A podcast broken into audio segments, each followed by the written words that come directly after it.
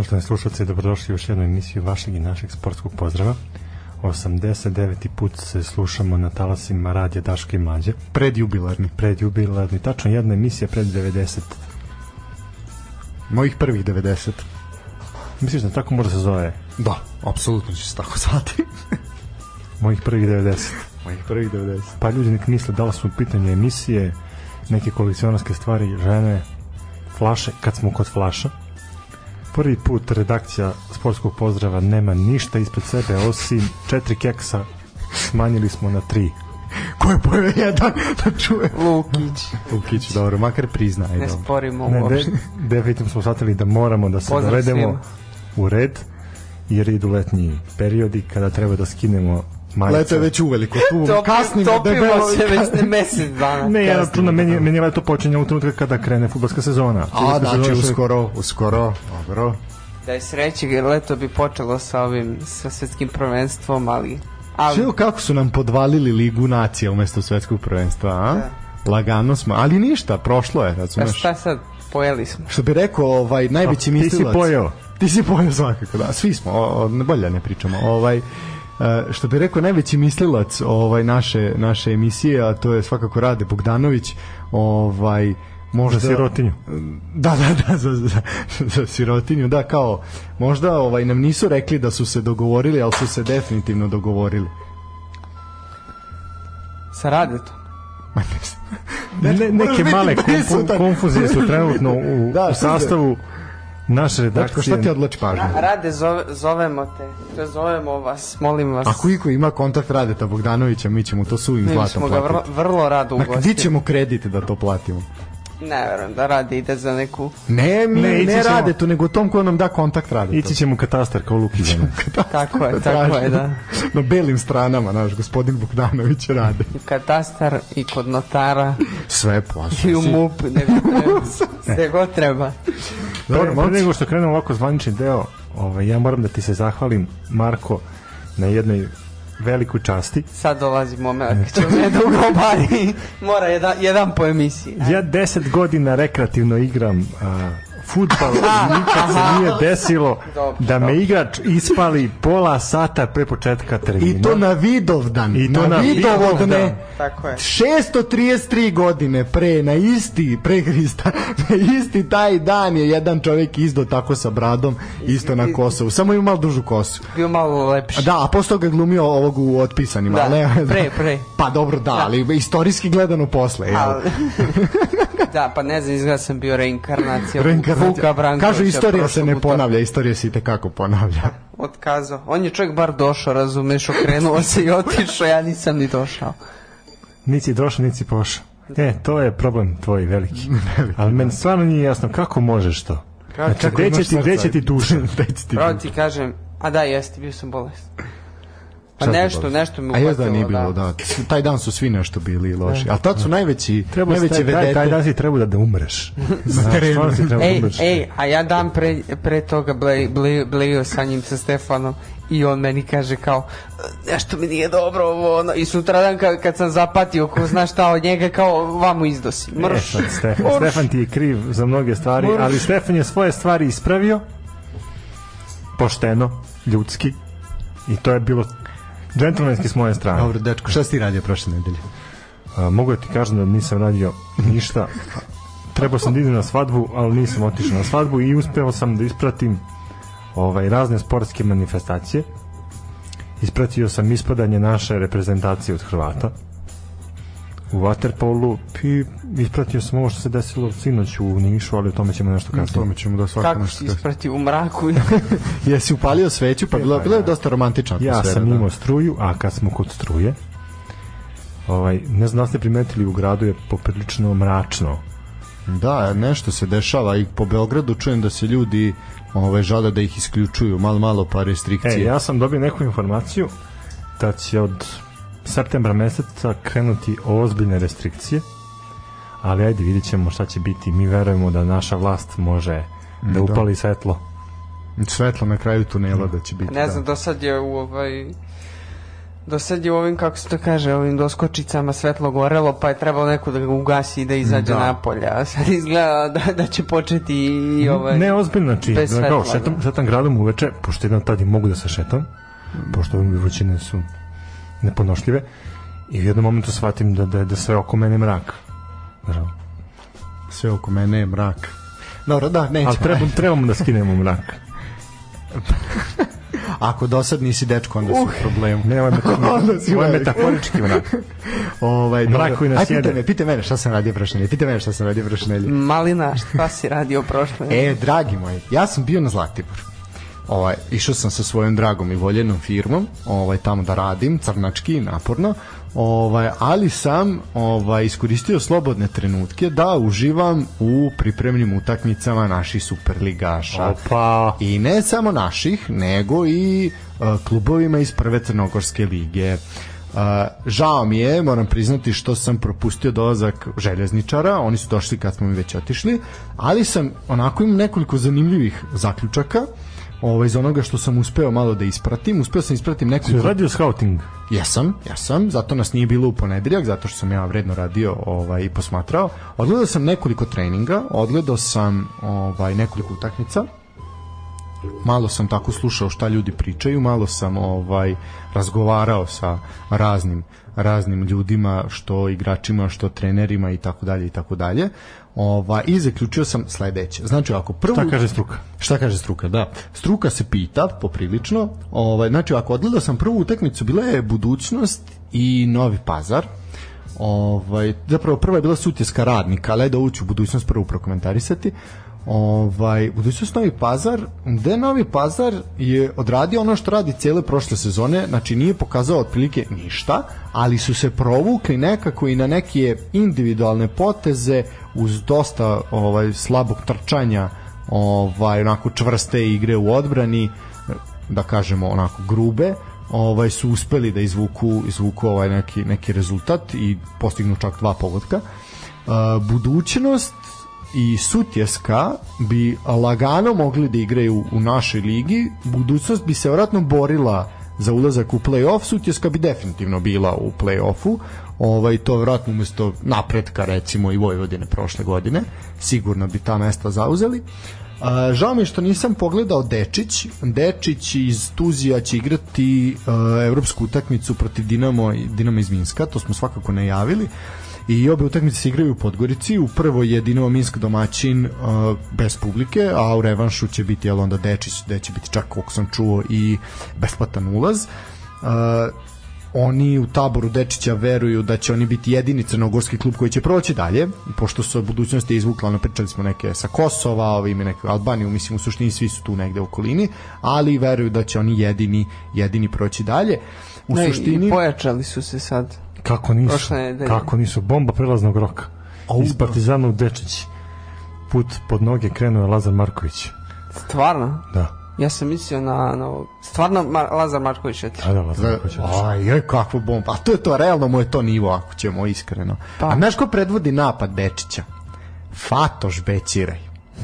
Da li se sećate tog, to, to je Tozin transfer onako za kojim plačeš uvijek što se nije ostvario, to je dolazak Fatoša Bećiraja u Partizan.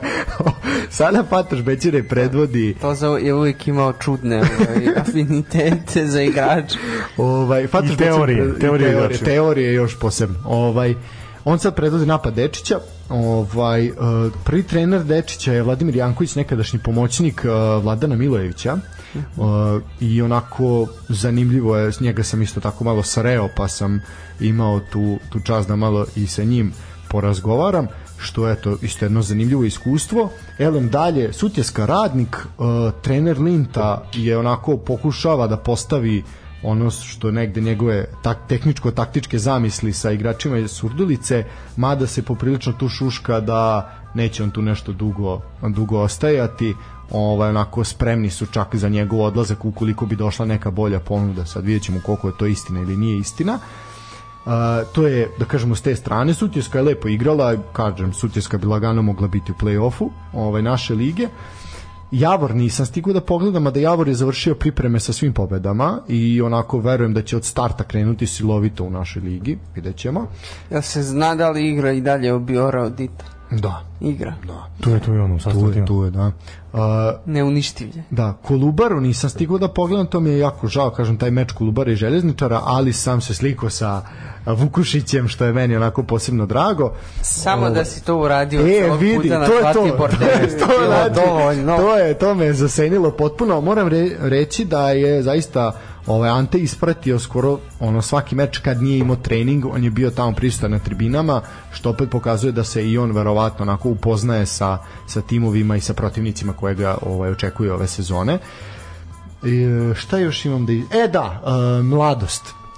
Mladost nisam uspeo da pogledam niti jednu utakmicu. Znači, tako su igrali ili imali treninge da nisu im bili ni blizu ni kad sam ja bio slobodan, ali ono što moram da, što se da zametiti, što bi rekli komšije, uh, svi su, znaš, imaš kao jednu veliku tribinu gde su bili svi. I tu su bili, znači ako igraju dva tima, ovi što ne igraju tu su ili druga ekipa ili su junior ili tako dalje ili ostale ekipe doze gleda. Pa znači ako si imao ovaj Sutjesku i radnik, imao si ove iz Voždovca su gledali, imao si iz uh, Podgorice i tako dalje. Bilo je tu dosta trenera koji su polagali za neke licence i tako dalje i tako dalje. I bilo je prisutno na primjer Novi Pazar kad je igrao bio je Rasim Ljajić na tribinama, bilo je tako nekih još poznatih likova što iz sveta fudbala, što sa estrade i tako dalje i tako dalje. I onda vidiš naše sugrađane iz ekipe Mladosti GAT, ovaj, svi se drže zajedno, znaš, svi sede zajedno, stručni štab zajedno, igrači zajedno, svi su nekako na jedno mesto bili stacionirani.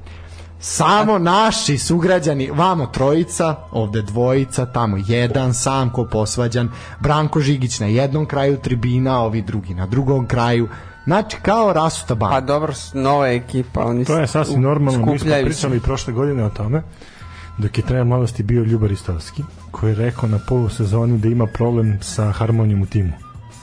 Jer su baš po tim grupovicama podeljeni i svako se druži sa nekim drugim i prave se neki klanovi i da je to glavni problem što oni ne znaju ništa jedni u drugima. Onog momenta kada su krenuli malo više i češće da se druže, to je na kraju rezultiralo plodom, pa je ta mladost uspela da se plasira u Superligu. Tako to Stanislav što mi kažeš, to uopšte nije novost kad je u pitanju futbolski klub Mladost Gata. Tako da eto, momci, to je ovaj to je neki moj ovaj utisak sa Zlatibora, bilo je zaista lepo, i bilo je Treba dovesti, treba da dovedu nekog igrača koji je dobar za atmosferu.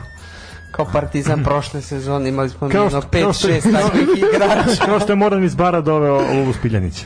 Da. E pa da. I sad će ono, znaš kako otišao je Lola, ostala je tuga. I sad, i sad Ovaj, šta će, nema, nema, nema ko da skuplja ljude, razumeš? Pa da, nema ovaj, a isto tako vlasnici splavova po Beogradu sad plaču, jel ko će ovaj školovati decu. jel? Joj, da.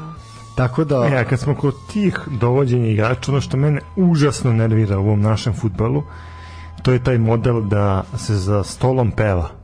Da Novelija ja, mora da peva. to Ja, ja mislim da, da većeg šunda Aj, i kiča blam, ne postoji. blam, znači, blam, to je, to kriv, je sve. transfer neprijatnosti kada kakav stvarno Kad svaki futbaler uzme ljub- da peva, da. da, svaki ljubitelj sporta mora da ostati to. Sva, ali svaka Sve su- pesma su su narodnjaci, da. Znači ono, kako brate, niko nije uzeo, mi to, to smo baš pričali i sa Tozom više puta. Kako niko nije, znaš, ono kao i potpišeš Kako nije uzeo Zvezdu gusle? Partizan. Pa Uzmeš ne mora gusle. E, kako uzmeš- potpišeš Zvezda i Partizan, što ti spavio neku navijačku pesmu? Što mora biti odmah? Sedimo za istim stolom, Kao- ćutiš ti, ćutim Kao ja. Vasa Micić da E, povede. da. E, ovaj, ćemo ići kratko na pauzu, pa se bacite onda na Može, ove ozbiljne teme. Ajde, to je to. How's your day, honey? Ajmo, slušati nešto. E, a prigodna numera, sve su numere prigodne za, za povratak.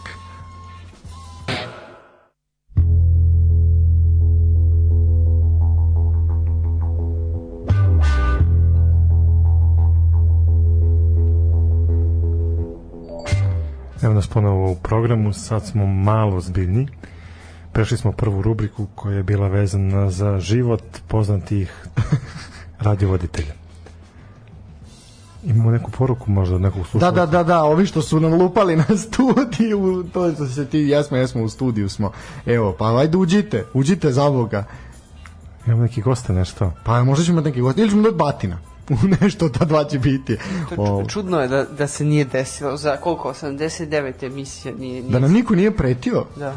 Je li bilo? Pa bilo je pretio. Zapravo, Bilo, ja sam ti pretio prošli put. da, da, dobro. je redovno. Da, da. Dobro i Lukiću je devojka pretila posle. Ovaj. Tako je. To, to je redovno. Ovaj, tako da u suštini, pa bilo je nekih, vrlo malo, ali bilo je neslaganja. bilo je, ja znam, jedan put nas je neko malo onako, ali nismo, jedan put, dva put, nije to tako strašno. Pa ja. Pa mi smo fini momci, zašto bi nas iko dirao? Pa.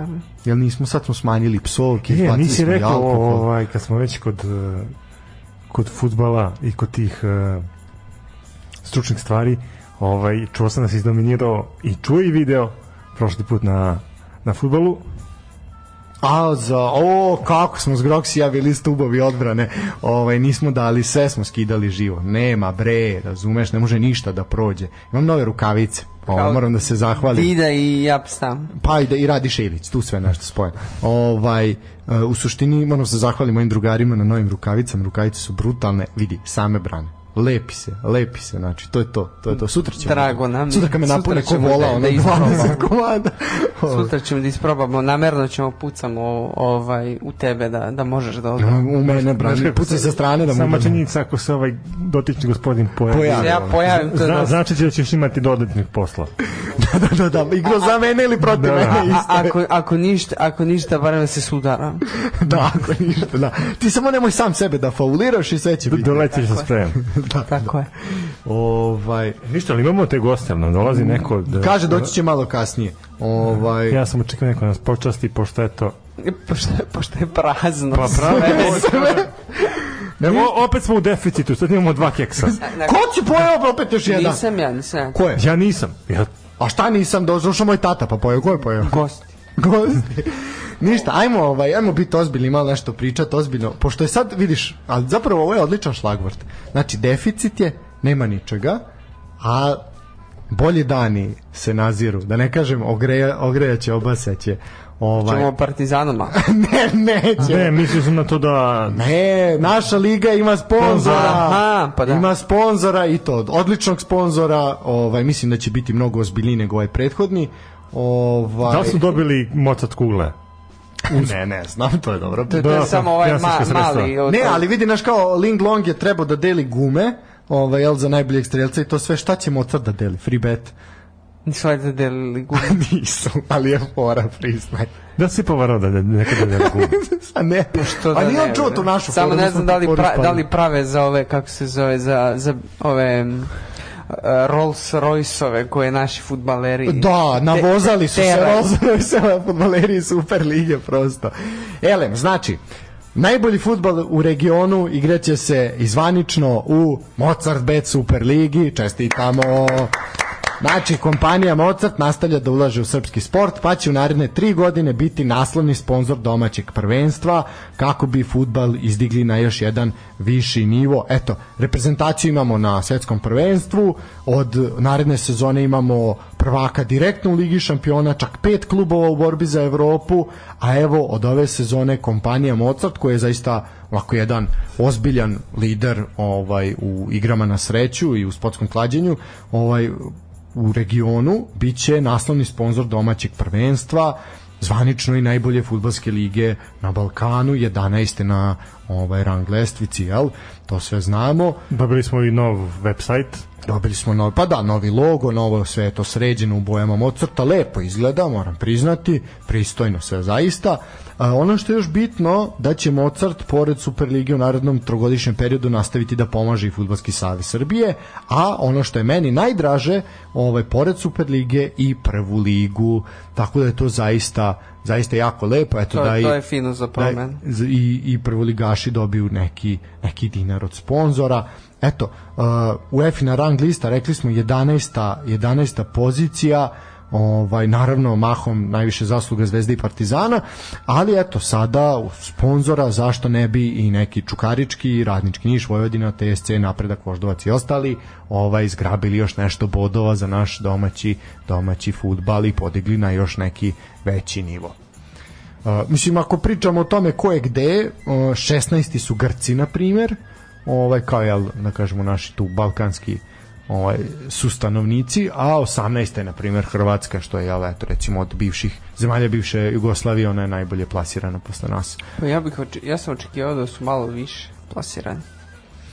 Pa slab u izdanak u Evropi, Da, razumeš, poslednjih nemaš poslednjih bodova. par da. godina baš. Mislim, to je sad za diskutovati šta je kvalitetniji futbal, razumeš? Šta lepše i bolje izgleda, koji sam proizvod kao proizvod lige koju se prodaje, šta je bolje, ali po meni je ovo jedno logično, logično rešenje da Mozart bude sponsor lige. Mislim da to je sasvim nešto što je logično i očekivano. Njima će se isplatiti sigurno. Ako ništa, barem će privući malo ovih, kako se to zove, stranih kladioničara. Da, misliš da sad ona priča kao što ovi naši igraju na Singapurćane, da će sad ovi Ja, ja na mislim nas, da na to pucaju.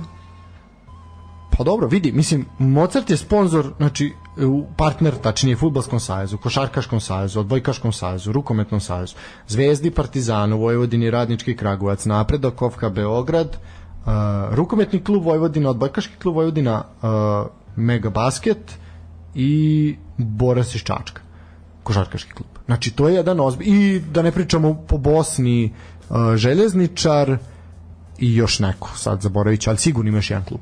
Ovaj, to je, mislim, jedan ozbiljan, ozbiljan onako, kažemo, sponzorski pool, tako da zaista onako, Pa sama činjenica da je 6 miliona, 6 miliona i 300 hiljada na tri sezone pokazuje da je Mozart ozbiljno ušao kad je u pitanju to sponzorski je deo. tri puta više nego Linglong. Da.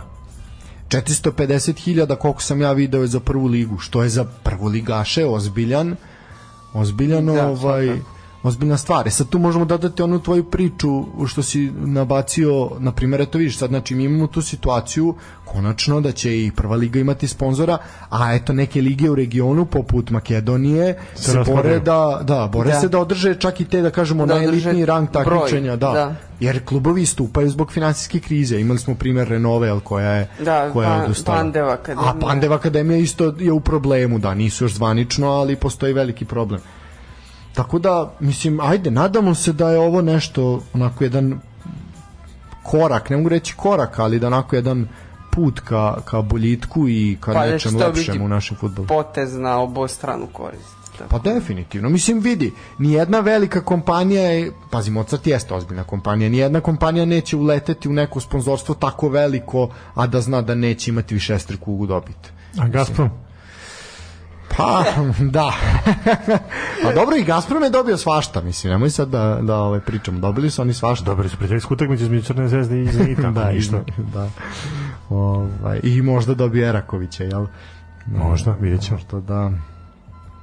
Sve Šta svemu- mislite o tom, o tom eventualnom transferu Erakovića u, u potpuna Rusiju? greška po meni to je čisto to je to je pucanj sebi u koleno šta ćeš ti tamo Ko to puca? Zvezda ili Eraković? Eraković zvezda svake pare koje uzme njoj je dobro ali Eraković mislim da je potpuno pogrešan potez za karijeru da ode tamo A, e, pominje se on- Olimpik iz Marseja na primjer ja otišao- preotišao Olimpik iz On sad Marseja ako bi otišao u, u Zenit, dobro da li bi on posle toga mogao da napusti ovaj Zenit bez obeštećenja? E vidiš, to je jako dobro situacija? pitanje. To je jako dobro pitanje, znaš, i tu sad čak je plodno tlo za onako neke mahinacije. Kod nas je uvek plodno tlo, a verovatno i kod Rusa. Pa mislim ono, naš, ne znam, ne znam, ali veli, jako je to sad. Po meni, ja da sam mladi igrač, ja ne bi otišao u Zenit, ja bi preotišao... Pogotovo zato što neće igrati Evropu sad. Tako. Pa da, mislim, ako Mislim, to je- kažu da se spominju razni francuski klubovi poput Marseja, po izvini Marseille ipak malo ozbiljniji. klub. Plus, plus što Marseille odra, odlazi startni štoper, Tako je. imao, imao bi mesto za garantovan, tako da... Znaš kako, to je pitanje da li bi imao mesto za garantovano. Gde god da dođeš ti možeš da se dokažeš i Pa gde god dobro, da, Možda ali sad- lakše bi mu bilo.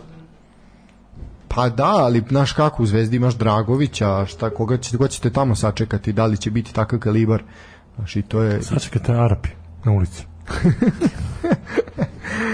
Počiće nas optužuju da smo, ne znam ja Pa kako. ja sam rekao samo istinu. Da. E sad, ovde pričamo o boljitku lige, o parama koje se ulažu, a imamo jednu jako bitnu situaciju, to je da je čak 10 ekipa je promenilo trenera. Znači, pred početak sezone 10 ekipa su, 10 superligaša ulazi sa novim, sa novim ovaj trenerima. Neko menja zimske na letnje gume, a ovi menjaju trener. Da, ovaj negde po pravilu je već da se zaista ono uglavnom gledamo samo domaće domaće stručnjake sa izuzetkom Zvezde i Partizana kad ovaj se pojavi neki zalutali ovaj internacionalac Pirlo, bi- Pirlo, da. da, da, da, da, da. Ovaj, na primer, e, bilo je stranaca, na primer, evo, sećamo se trenera Petera Pakulta koji je austrijanac ovaj, po pasošu i vodio radnički iz Niša. Ovaj, 2017. godine. Ja rekao za vreme Austro-Ugarske. Ovaj, Niš je bio pod otomanskim Pa carstvom. znam, očekio sam da će reći A sećamo se- godinu tamo. a negdje, čeka, se sećaš još jednog stranca koji je vodio Spartak? Aj, seti se, komentarisali smo ga ti i ja.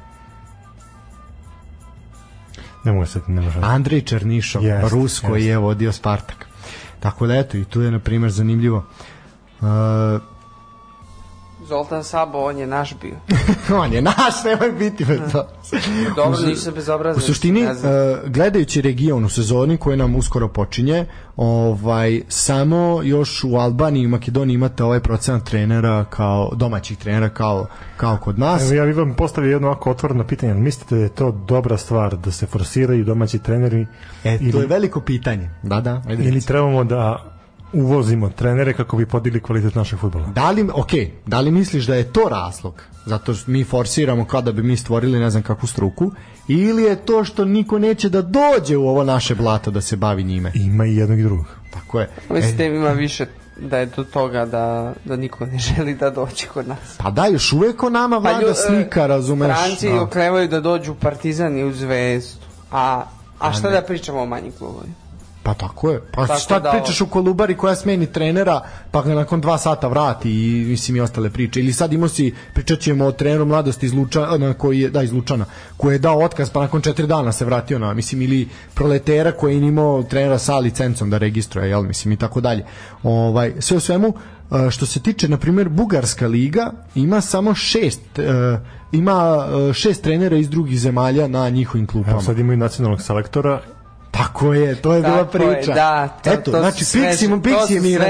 Pixi je miran, Krstajić je dobio to posao. je, to je rešena misterija. Da, znači kažu Krstajiću 20.000 eura mesečno za uh, misiju da odvede Bugare na evropsko prvenstvo. Kažu da je nemoguća Vidite, misija. nismo samo mi meka srca da dajemo šansu našim trenerima i Bugari su. Dobro, Bugari imaju- To su naši, srca. su naši. Bugari imaju Zavisi, zavisi gde pitaš. ne? Ako u Nišu pitaš, nisu naši. Nisu. Ako tamo pitaš. Bugari imaš sad, ovaj, eto, počeli su taj trend da da uvoze naše ljude, pa je Saša Ilić trener CSKA, imamo Mladen Krstajića koji je postao novi nacionalni selektor. Opet jedno postavlja se pitanje da li Mladen može da odvede Bugarsku na evropsko prvenstvo.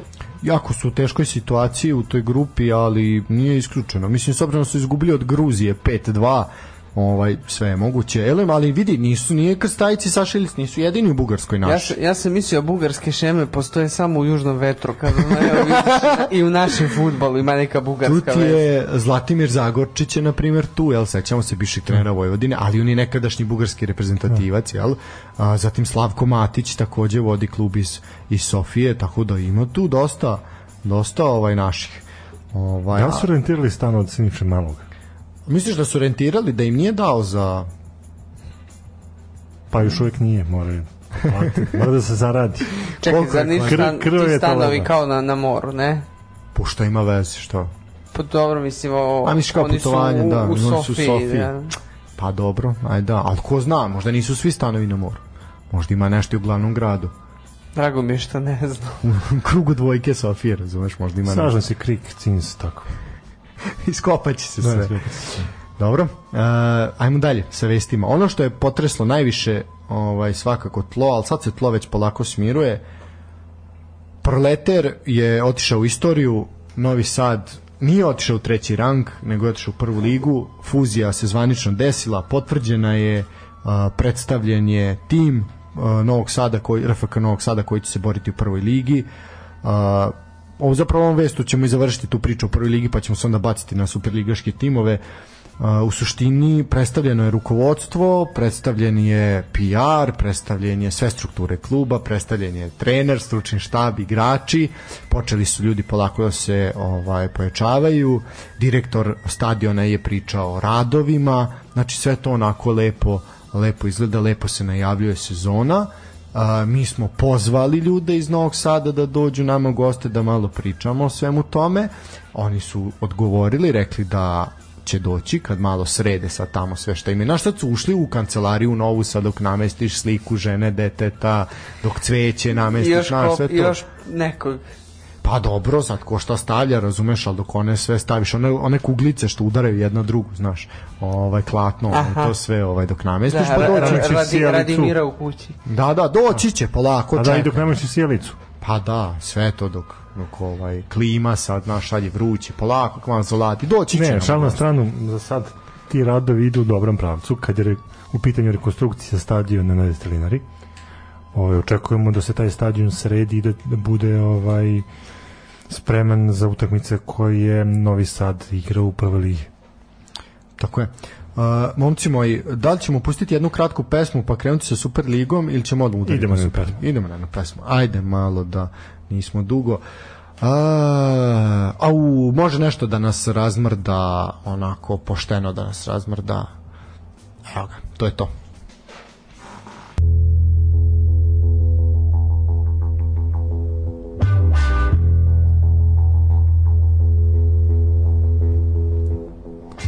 Evo nas ponovno u studiji vraćamo se priči o domaćem futbalu.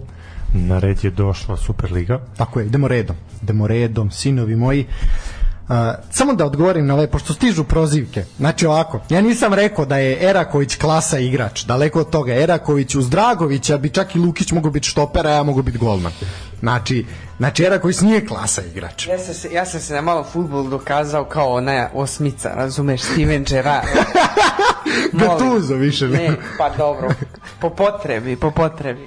On je taj pitbull, razumiješ, Ali ajde terijer. odgo, odgovori. Ne, zaista, znači, nije dobro razum... o, Ja sam rekao, znači, ako mi neko nudi na stolu Francusku i Rusiju, ja pre otišao u Olimpik iz Marseja nego u Zenit.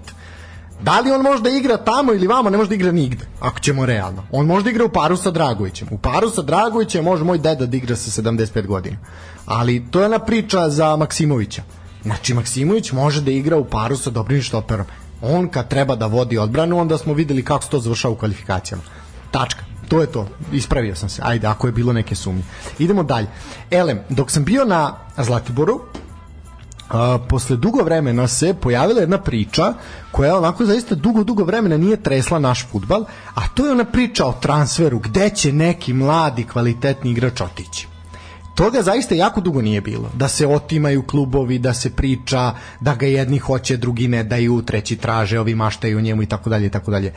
Pretpostavljate, znate, znate Ja mislim na ovog malog iz Vojvodine. Na koga?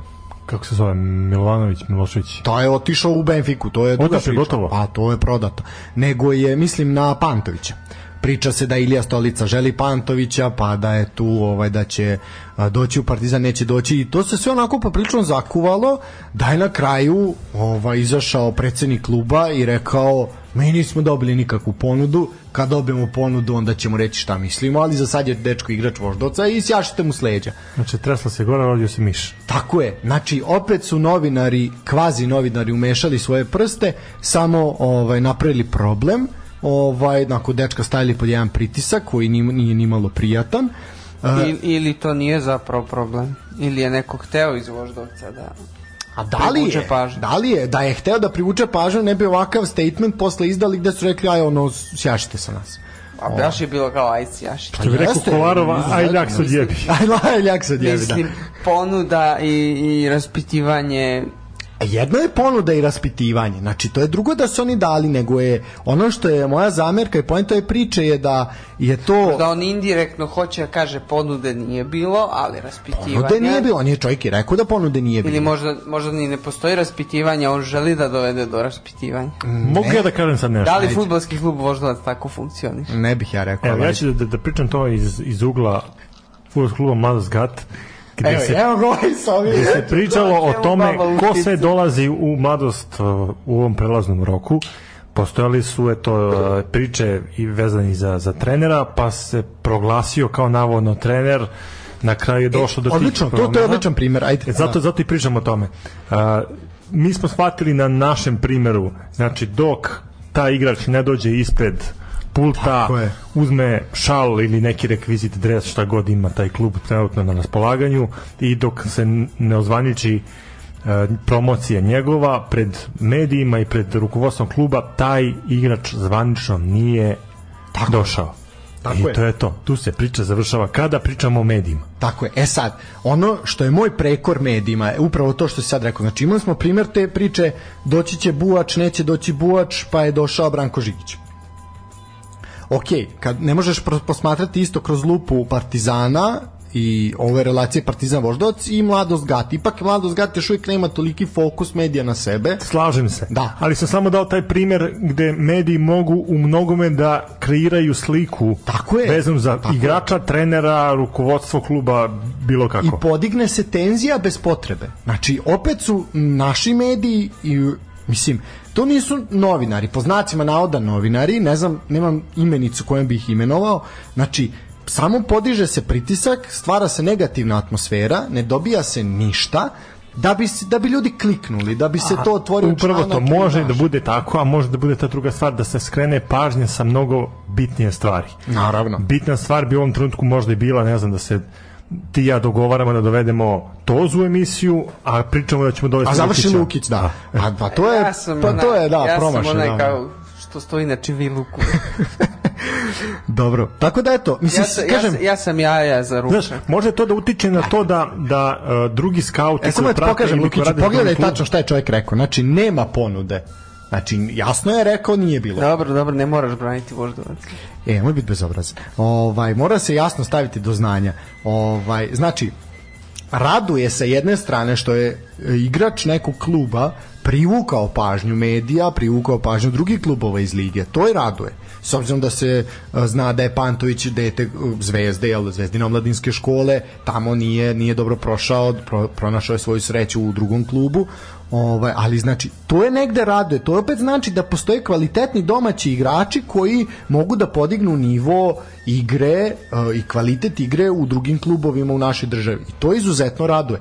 Ali onda, drage, na, po znacima kolege, mada mi nismo kolege, nemojte to raditi na ovakav način. Uh, idemo dalje. Znači, pošto imamo vesti iz svih klubova u ligi, idemo sad, pošto smo počeli ovu priču, uh, počele su, tačnije, najavljene su prodaje sezonskih karata. Jeste, mi smo već najavili uh, akciju koju Crna zvezda preduzela kada je u pitanju prodaja sezonskih ulaznica. Što se tiče Vojvodine, u sredu uveče u centru grada kod Vladičinog doma imaćete promociju novog dresa futbolskog kluba Vojvodina imaćete druženje sa prvotimcima, moći će da se uzme karta, besplatna karta za utakmicu protiv napretka, a i onda će biti i informacije o sezonskim kartama. Sezonske karte je pustio u prodaju i Voždovac, što je ovaj učinio odmah nakon Partizana, znači imamo Zvezdu, e, tačnije Zvezda, Kolubara, Partizan, Voždovac i evo sad Vojvodina, pet klubova za sad izbacilo ovaj sezonske ulaznice. E, sad mogli bi uzmemo da napravimo otprilike neku paralelu i da Hoćeš vidimo cene? Cene i taj cenovni Evo rang ovako. kada su u pitanju drugi klubovi i odnose na Crvenu zvezdu. Tako je. Mi smo prošli put to pričali o Zvezdi, jel? Tako je. Ovaj znači ovako kaže cena propusnice propusnice za VIP galeriju je 4000 dinara. Znači ovo sad sve pričam ukoliko prvi put sad kupujete kartu, ukoliko već niste, znači postoji Za koji klub? A, sad pričamo o Voždovcu, pa ću pričati o Partizanu. A, cena sezonske karte za zapadnu tribinu je 3000 dinara. A, naravno imate 10% popusta ukoliko ovaj posedujete prošlogodišnju kartu.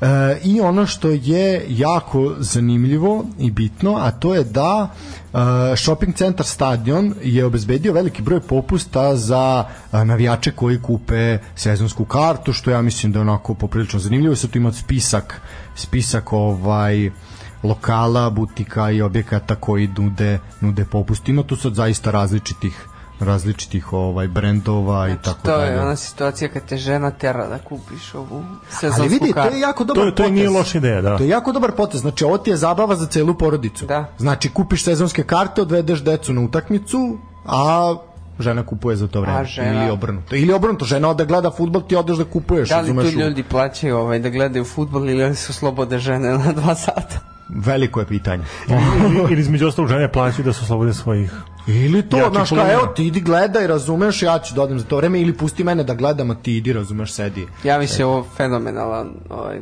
poslovni potez Svaka možda. čast, svaka čast. E, ajmo sad na Partizan. E, kad smo kod Partizana, Partizan je znači pre neki dan objavio Objavio cene, da. cene ulaznica za sezonskih ulaznica za ovu, A prodaja počinje od 7. jula. tako je.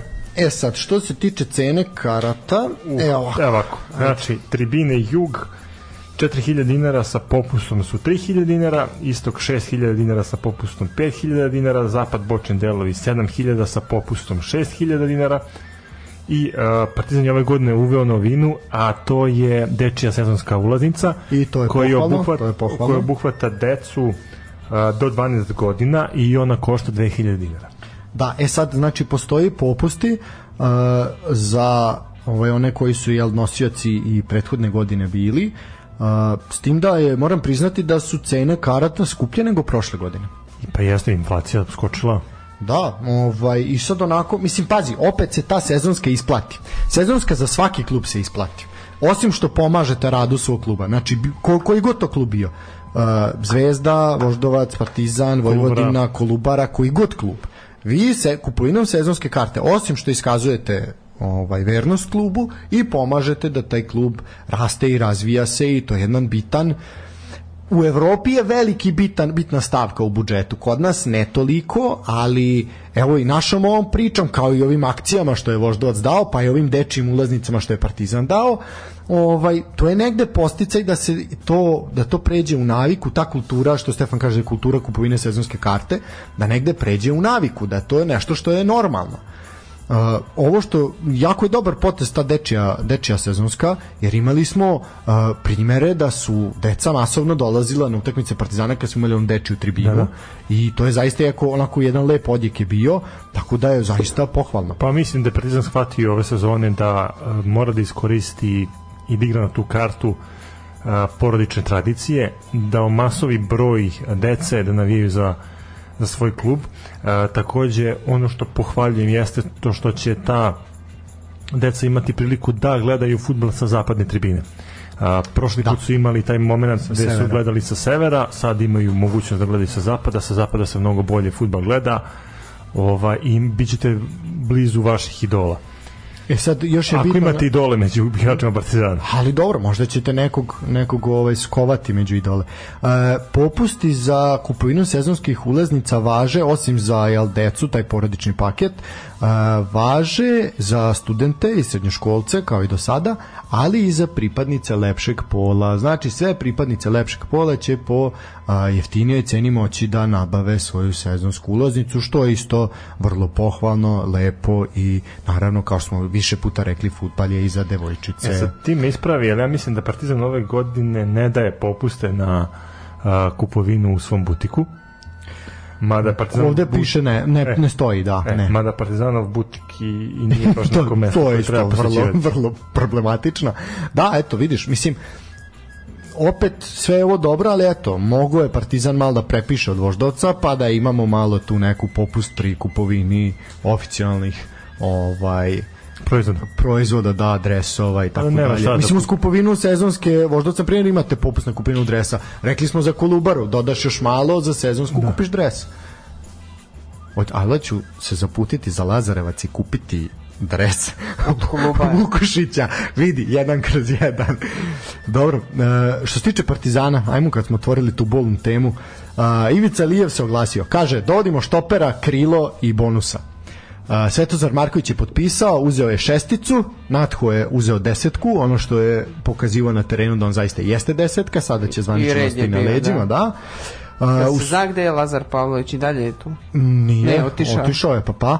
Ovaj Luca Luca pa ide pa pa. Ali nije, nije nigde još uvek se... Ne, nije se niko oglasio. Zgnezdio. Ne, ne, ne, ne. E, u suštini došli su Šehović, Filipović, Andrade, e, Patrika Andrade, a za sada svi jako hvale. Ono što je pokazao je protiv Fenerbahčeja je zaista onako pohvalno. Čak i ta nova pozicija Filipa Holendera koju je pronašao Ilija Stolica i te minute koje mu daje isto onako to lepo izgleda i sada Holender pokazuje ono zbog čega je zapravo i došao u Partizan, mada eto njegovo, koliko to sad dve, Dve godine, sezone, da. dve sezone pune, da, sad će biti treća.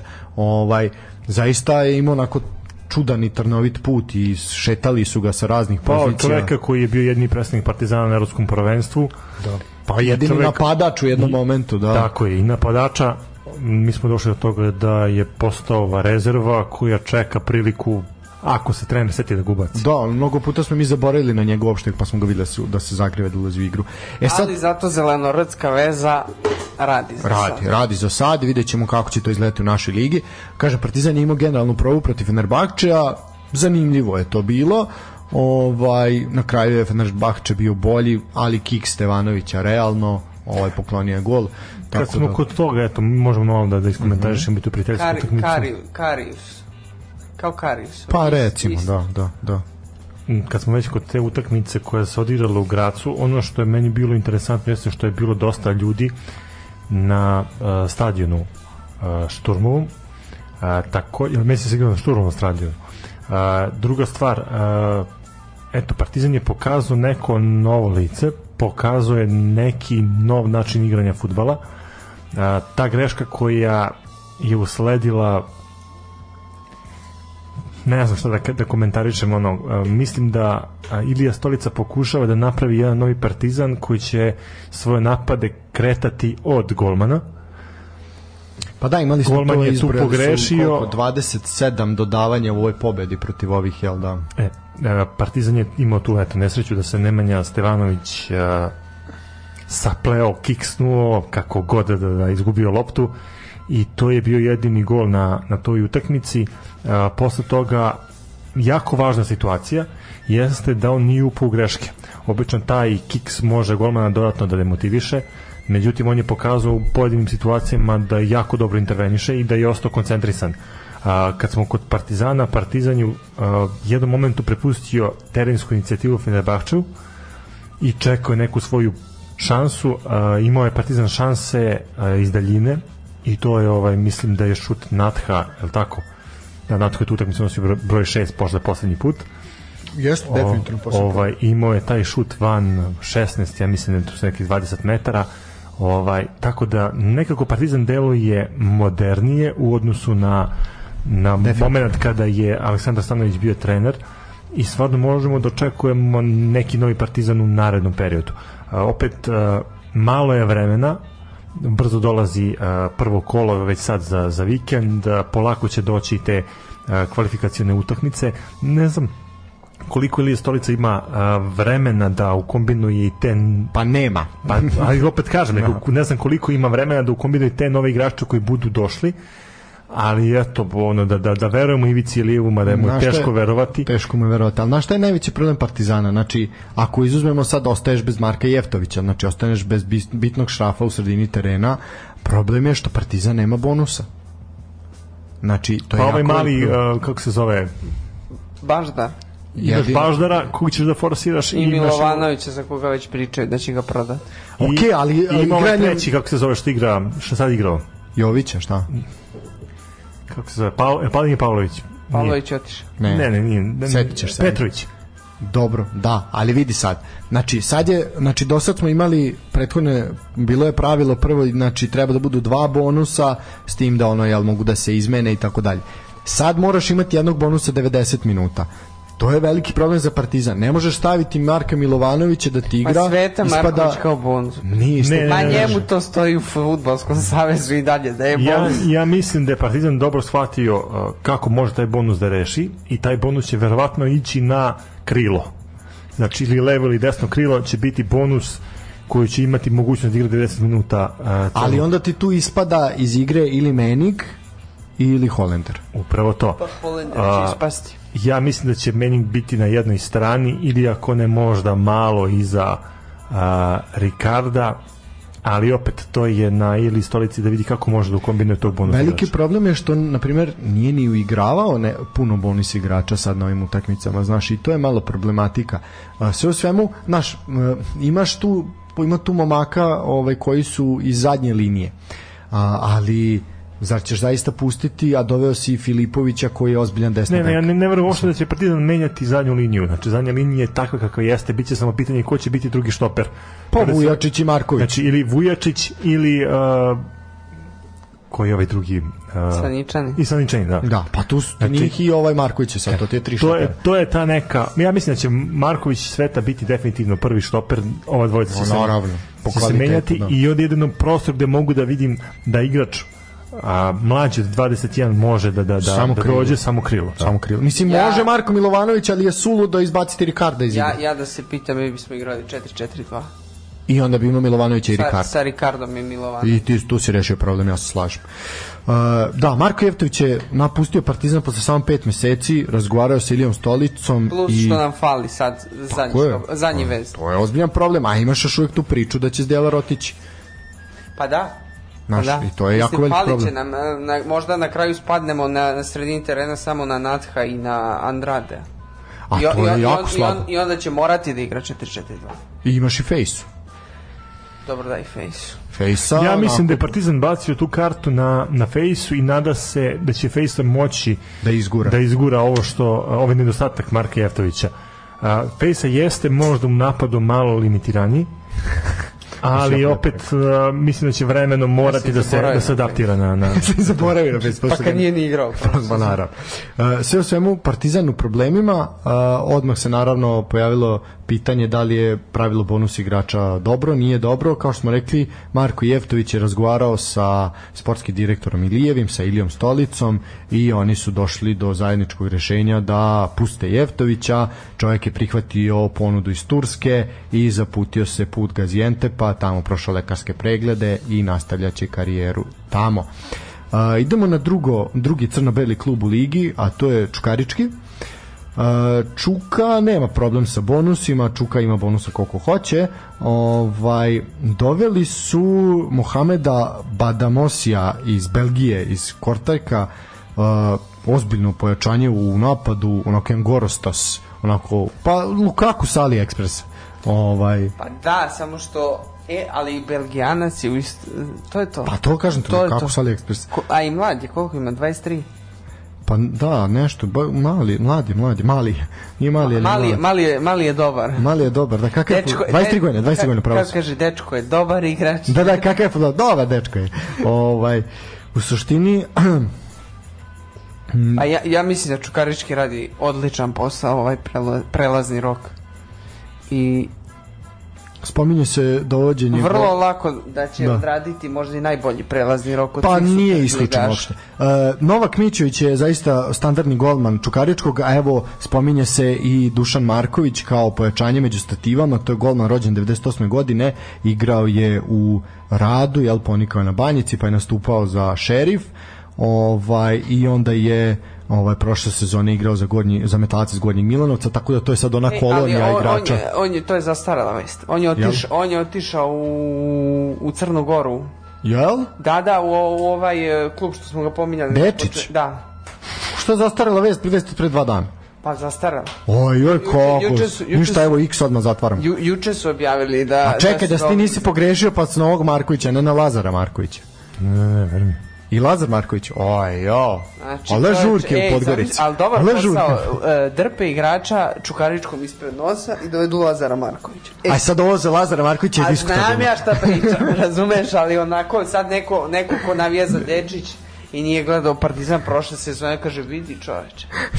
Da, ako je zaspa, upao u komu, recimo Mislim, koliko puta 2011. smo mi godine. kao navijači Partizana bili u toj situaciji, kažemo vidi čoveče, ovi naši nešto i rade. E, ali znaš kao na ovaj, ako je upao u komu 2011. godine i probudio se, onda je Lazar Marković top igrač.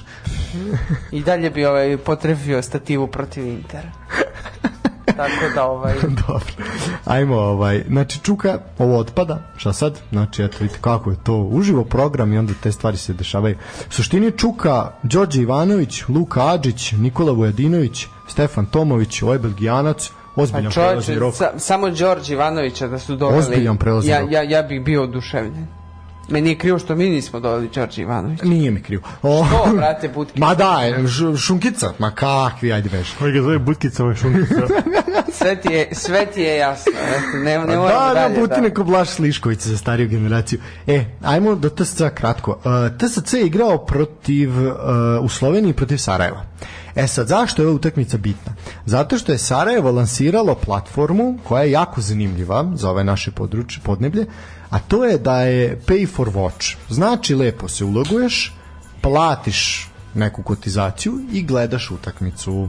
to je davnih dana uveo PAOK i, da kažemo, veći evropski klubovi, ovaj, evo i na našim prostorima tako nešto počinje da živi, znači ovaj, možeš da posmatraš utakmicu voljenog kluba ako nisi prisutan na stadionu uz neku simboličnu cenu virtualne ulaznice, jel? Da, to su Englezi forsirali za vreme covid Da. te virtualne ulaznice, tako da ne vidim ništa novo, ali opet je dobra stvar da se implementira i nove naše područje. Tako je, što se tiče TSC, TSC dosta šaren u uh, pripremnom periodu, poraz od Olimpije 2-0, pobeda nad Šibenikom 2-1 i evo sada remi sa uh, Sarajevom 1-1. Uh, najbolji na pripremama svakako su bili Martin Mečevski i Slobodan Stanojlović, ali sve o svemu onako ne može se baš reći i očekivati šta će to biti Ovaj, a sa naredne oni na sezone. pripremama? Sloveniji, Sloveniji. Aha, piše. Sloveniji. Uh, dobro, idemo dalje. Možemo sad u dva radnička ispoštovati. Uh, u suštini radnički je bio dosta aktivan i uh, zgrabili su nekoliko igrača pred nosom drugih klubova. Ovaj znači uzeli su jednog igrača IMT-a, uzeli su igrača Spartaku, ovaj ispred- Radnički iz Kragujevca. Radnički iz Kragujevca, da, da. Radnički koji naredne godine, sla, na- na- naredne godine slavi 100 godina postojanja, jel? A, Dejan Joksimović je eto uspeo da dovede desnog beka Nikolu Vlajkovića, stigao je Zorić iz IMT-a, tako da biće zanimljivo u Kruševcu, u pardon u Kragujevcu i ove sezone. Ajmo odmah na drugi radnički, sad malo brže prelazimo. Uh, radnički iz Niša je ovaj imao generalnu probu sa ekipom Arada iz Rumunije, to je rumunski prvoligaš, bilo je 0-0 ovaj, imao je radnički onu jednu utakmicu gde su razvalili tamo 6-0 su dobili Štulić je mislim čak 4 komada zavalio Ovaj, tako da radnički onako pokazao je dosta čvrst, nisu puno primali golova na pripremama, a, Tomislav Sivić onako je zategao, zategao te linije, tako da eto, vidjet ćemo i možemo onako očekivati jednu lepu sezonu za Nišlije. Uh, ajmo Vojvodina, još nam stala Vojvodina, brzo, tu smo Vojvodina i Zvezda i idemo na pauzu. Uh, ovako, Rastavac je uh, tempirao već sad polako ekipu ovaj protiv Mure za generalnu za gen- generalnu probu protiv Mure za utakmicu sa Kruševcom koja se igra na Karadžođu u nedelju. 1-1 je bilo eto remi sa četvrtoplasiranim timom iz slovenačkog šampionata zaista uh, lepo lepe, lep pripremni period za Vojvodinu bez poraza su završili pobedili su Borac pobedili su Maricu iz Plovdiva sa 3-0 rumunski Arad a igrali nerešeno sa Koprom i sa Murom tako da jedna nova nova Vojvodina koju će biti eto zanimljivo ispratiti vidjeti koliko i šta Ja, mogu. ja, ja mislim da jedva čekam da vidim kako će izgledati Vojvodina ove sezone. Vojvodina i Čukarički. Uh, pa da, mislim može može biti pa onako potencijalno Da, iznenađenje, da, vrlo nadam, zanimljivo. nadam da. se da će, ovaj, da će se ta dva kluba vratiti u, u top 4. Ili barem da će se boriti za top 4. Pa veliko je pitanje, razumeš da li mogu u top 4, ali borit će se za Evropu sigurno, da. Mislim sad ono pitanje je gde će završiti, to ćemo to ćemo svakako. Da, sad, sad je kod nas top 5 Top pojam, pet, da. znači Pa, moramo vidi. sada da menjamo Moramo ove, menjamo. ove, ove naše floskule. Dobro. E da, sad ono, znači, uh, kaže, pre tri dana se teško nosio sa pritiskom, danas predahnuo i Dragiša Žunica vratio na klupu mladosti, eto, bio onako vruć ovaj, i podne ostavku, pa se tri dana malo smirio i vratio se na klupu mladosti. Ovo se već nekoliko puta se dešava sa Kolubarom, sa Proleterom, sa mladosti, evo. To je ta... Šta ti ljudi rade? Ali to je ta zanimljivost ovaj domaćeg fudbala, to nema nigde, razumeš? pa, a, pa, baš nema ni. A onda se pitaš zašto nema stranih trenera. pa. E, egzotika, ba.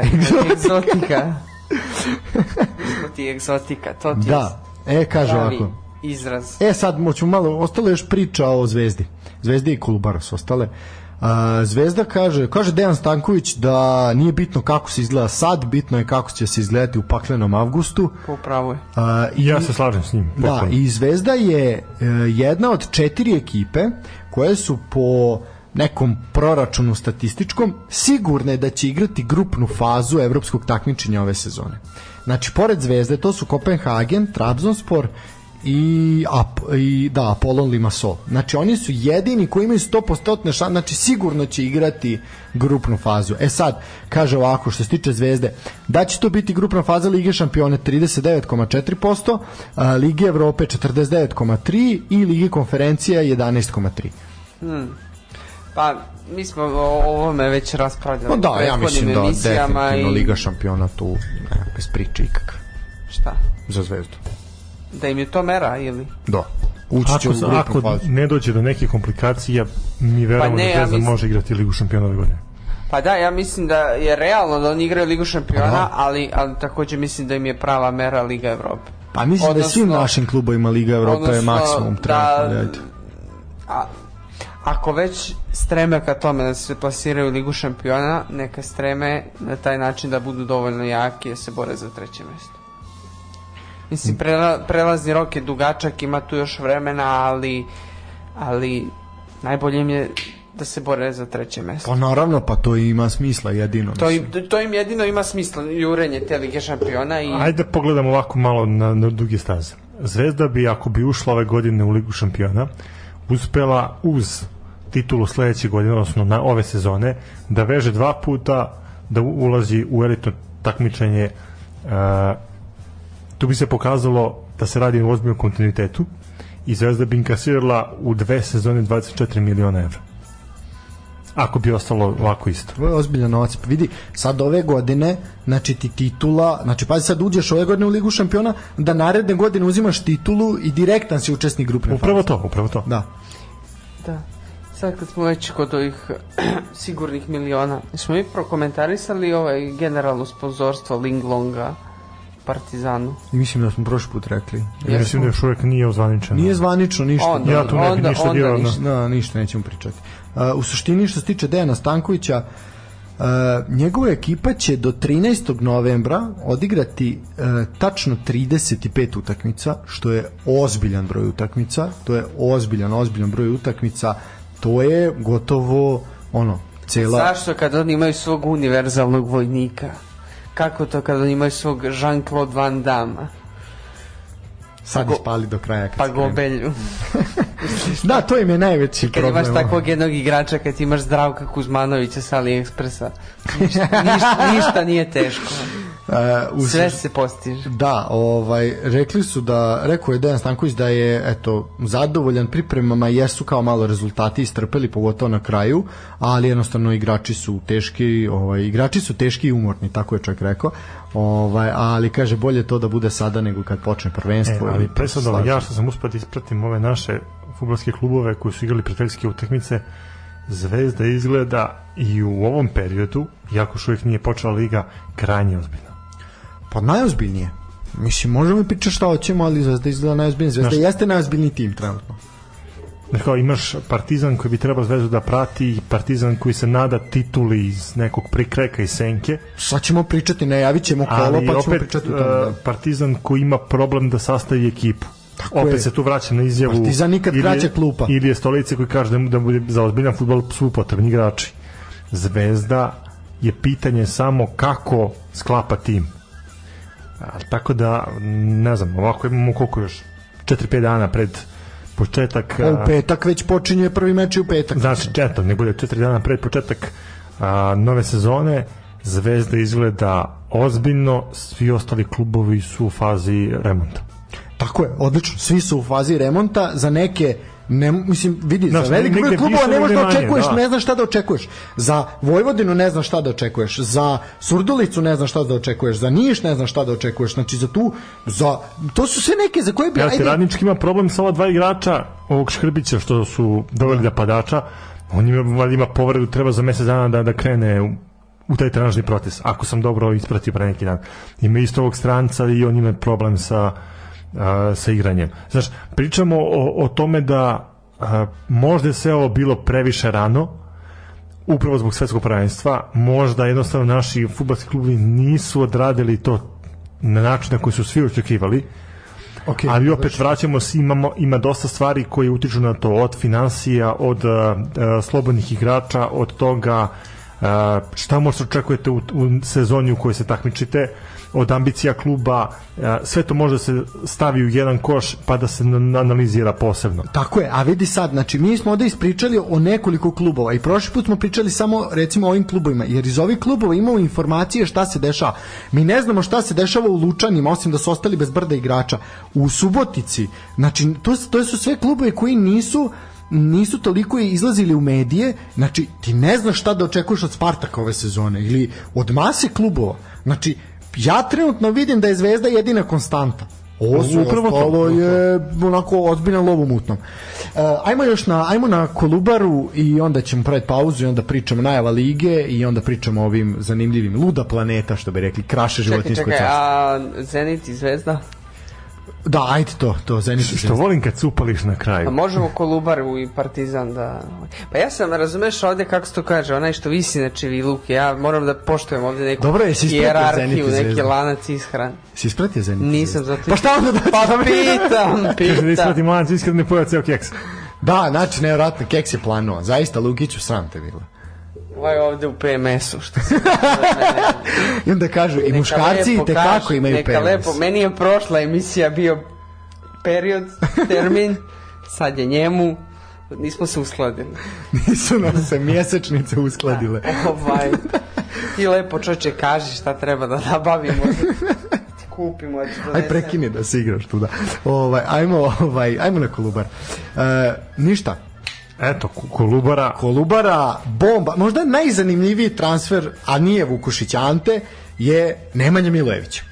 Nemanja Milojević, strelac prošlogodišnjeg prvog gola u sezoni i pretposlednjeg gola, uh, jednog od najlepših golova prošle sezone, je eto otišao u Kolubaru, potpisan je ugovor na dve godine, zaista zvučno pojačanje i dečko koji je igrao za Olimpiju, za Greuterfurt, za Steaua, za Voždovac, zna se čije je dete, imao je interesovanja čak iz Holandije, ali eto, put Lazarevca.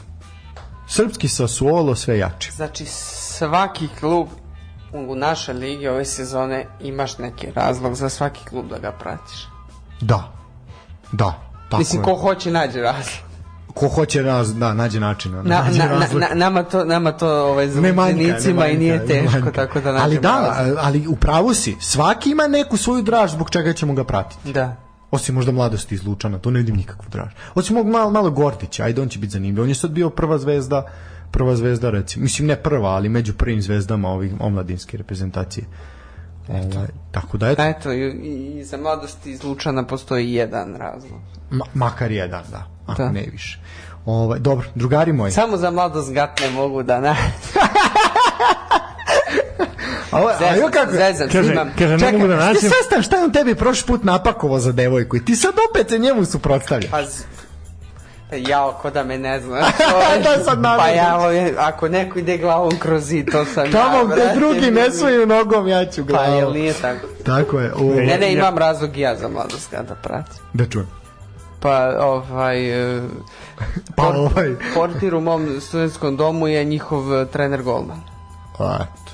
To je nekadašnji portir, sad je čovjek trener golmana. A znam ko je. Da. Zukića. Ko da? Da, da, Zukić, Zukić. Da, da, znamo ko je, da. Dobro, a eto, zanimljivo. U suštini, Lazarevac najavio borbu za Evropu, pratit ćemo, vidjet ćemo dokle će to ići. Ljudi, ajmo, mislim čak da ćemo dve pesme slušati. Od toga je jedna bila želja slušalaca. Naš ovaj slušalac je odmah u petak poslao poruku, molim vas ovo nam pustite, tako da slušamo uh, hit, ovo su neke 60 recimo, Beti Jurković je izvođač, a pesma se zove Nogometna utakmica.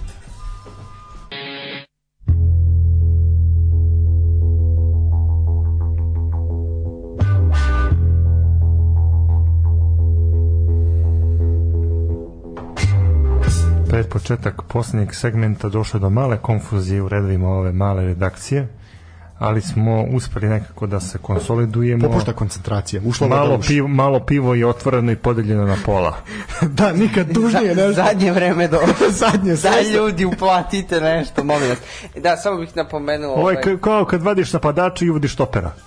Otprilike, ovo je Partizan Da spasiš- u, protiv ovih, e, protiv, kako se zove gore, protiv koga smo igrali u Hagu sad, pa gol u... Sa Zalkmarom. Sa Zalkorom, da, sedam, sedam štopera u momentu, da. Ovo ti je moment kada spašavaš rezultat. E, da, da, da. je to, znači, da bi Ne, ovaj Ne, ovo je srećna, srećna rezu- nova 97. znaš, malo pivo se spašavanja rezultata upućujemo ovaj, Mogu. zahvalnicu slušateljki na, na dobrom predlogu E, da, za, pesma je brutalna. za pesmu. Pesma je brutalna. pesma. Znači, ako imate eto tako neku želju šta da pustimo, slobodno, Slobodno. mi ćemo pustiti. Naravno, ovaj Pustite koji dinar, evro, dolar. E, to, Paypal, Rublju. Paypal, Patreon, humanitarni SMS. čuo sam u Mitrovici da može rublja se zameni. Može u Novom da- Sadu. Pa čuo sam da ne može. Može, Može, sve, dečko, može. Zna, Reći ma- Malin zna ljudi, Reći ti gde, ljudi. reći ti gde. Da. Ovaj, Slabo se krećeš. slabo dečko se kreće, slabo cirkulišeš. Osim što pa ti ideš po katastru, dečko. Ti gubiš mladost u katastru. Tako vreme došlo. Zadnje vreme došlo. Ovaj, E, ele, a da. zadnje vreme došlo da, da vas dvojica pijete jedno malo pivo. Jedno, I to od 0,33 smo podelili. kao, kao ovaj u kenguru. Jedno pivo. Pa malo. da, ali on sam pije to jedno malo pivo, Da, vas mi dvojica. smo dvojica podelili. A dobro, pa to je drugarski. To je drugarski, znaš. Da, Mi smo- neko je mi smo- pojao... s- Mi smo gori od njega, on je, on je skrpio za onaj Martini Bianco. E, a čekajte sad, mi misliš kako smo mi drugarski podelili ovo malo pivo, ko je pojao ceo keks? Lukić. Ah, ne vredi. Ne, ljudi, ajmo. Znači ovako. E, sad idemo na onaj deo koji je nama omiljen. Je! Ovaj, I presedan bi bio stvarno kada bi barem u ovoj godini imali Moramo pogodak, pogoditi nešto. jer u 36 kola Nijednom. Nijednom nismo Ali bili smo nekoliko puta zaista jako blizu. Nekoliko puta su naši gosti bili poprilično jako blizu. Ovaj, ali mislim da je sad vreme da se ozbiljimo, sad trezveno Sad razmišljamo. prvo kolo kad niko ništa ne zna, sad ćemo pogodimo 100%. 100%, pa da, zato što ono se kao pravimo da nešto znamo, sad kad nemamo pojma sad dobijamo. Elem, Ne, to je samo dokaz koliko je naša liga nepredvidiva. pa tako je, i zato treba uživati uz nju i pratiti je. Da krenemo. Da krenemo, da krenemo. Znači, Znači, bole pokloni se i počni. Tako je, u Znači, ovako, petak u petak od 20 časova, znači 8. 7. od 20 časova na Areni 1 Premium uh, kolo, odnosno sezonu, ovu jubilarnu, istorijsku, otvaraju Voždovac i Novi Pazar. Dragi moji, šta vi tipujete ovde? Trener je Andrić prvi put u Superligi, Novi Pazar sa iskusnim trenerom sa Gaćinovićem na klupi, onako nisu nešto mnogo pokazali da budem iskren, Voždovac je isto bio onako promenljive prirode na pripremama. Šta ovde očekivati? Ja ću igrati na golove, neka bude od 0 do 2. Mm, Dobro. 3 plus. Od 0 do 2, ovaj pišem 3+. Plus. Ja ću staviti Keca, mislim da će i pretrčati. Uh, subota, od dva, raduje što su svi termini od 20 časova, to moramo odmah pohvaliti da se ne igra po ovom paklu, znači, mada je pakao i u 20 časova. Uh, znači, imamo subotu, subota 9. jul od 20 časova uh, na areni 3 premium, Čukarički TSC. Jaka utakmica po meni čak može i derbi kola. Mm, da, Odmah može, Da. se reći, može se reći, da. Odmah prvo kolo ekipe koje će imati mogućnost da predstavljaju Srbiju u kvalifikacijama za ligu konferencija i tu bi mogli da vidimo kako trenutno funkcionišu i Čukarički TSC. Pa konkurenti za Evropu, Da, da, definitivno. obzirom da su da je Čukarički domaćin, ja bi možda malu prednost dao Čukaričkom, ali ovde se stvarno plašim da odigram fikseve, pa ću reći neka budu 2 do 3 gola. Dobro, 2 do 3 Lukiću. Kec. Dobro. Ja ću reći oba tima daju po golu. Minimalno. Uh, u istom terminu, znači u subotu od 20 časova, imat ćemo još dve utakmice, a prva od njih će biti debi Iglije Stolice kao glavnog trenera Partizana u Ivanjici, Javor Matis Partizan. Pa eto se očekuje od Partizana da startuje sa pobedom u ovoj sezoni. Međutim, mislim da će biti poprilično teško obzirom, Biće gusto, biće gusto. obzirom da je Javor domaćinska ekipa Imaju dobre pripreme iza i sebe. dobro pripremljeni za sebe, fino su to da radili. Uh, znaju u prošlosti da pruže dobar otpor i Partizan i Crvene zvezde. Ali ajde, Pogotovo ne- Ivanjice. ali ajde neka bude ovako malo uh, na sreću Irije stolice, pa da ja prognoziram dvojku i da vidimo kako će Partizan krenuti u ovu sezonu. Ajde ovako, ajde Marko ti pa ću onda ja zakuvati. Ti planiraš da zakuvaš? Mhm. E, dvojka. Dobro. Evo ovako. Ja, mislim, Partizan je realno kvalitetnija ekipa, ali nije uigranija. I ja mislim da u tome leži glavni problem i mislim da ako teren bude u lošem stanju kakav zna da bude i ako Javor odigra onako momački i muški i snažno kako znaju da odigraju čvrsto mislim da ovde Partizan vrlo lako može da se oklizne i ja ću ovde staviti Kec X. Da Partizan neće pobediti prvo kolo. Ehm, drugi meč koji se igra u ovom terminu ujedno i poslednji za program u subotu je Mladost, e, Lučani i Spartak Zrepčeva krv E, to je enigma. ovo je enigma totalno ovo O, ovo, Ovo ja ću reći x2. Ovde šta očekivati to zaista. o, o, o, o, ovo ne možeš ni golove da gađaš. Baš, baš A ništa. baš naproti mislim da mo, ovde može biti. 0 do 2. Misliš? Pa ja bih ga 0-2. Znači obojici pišem 0 do 2.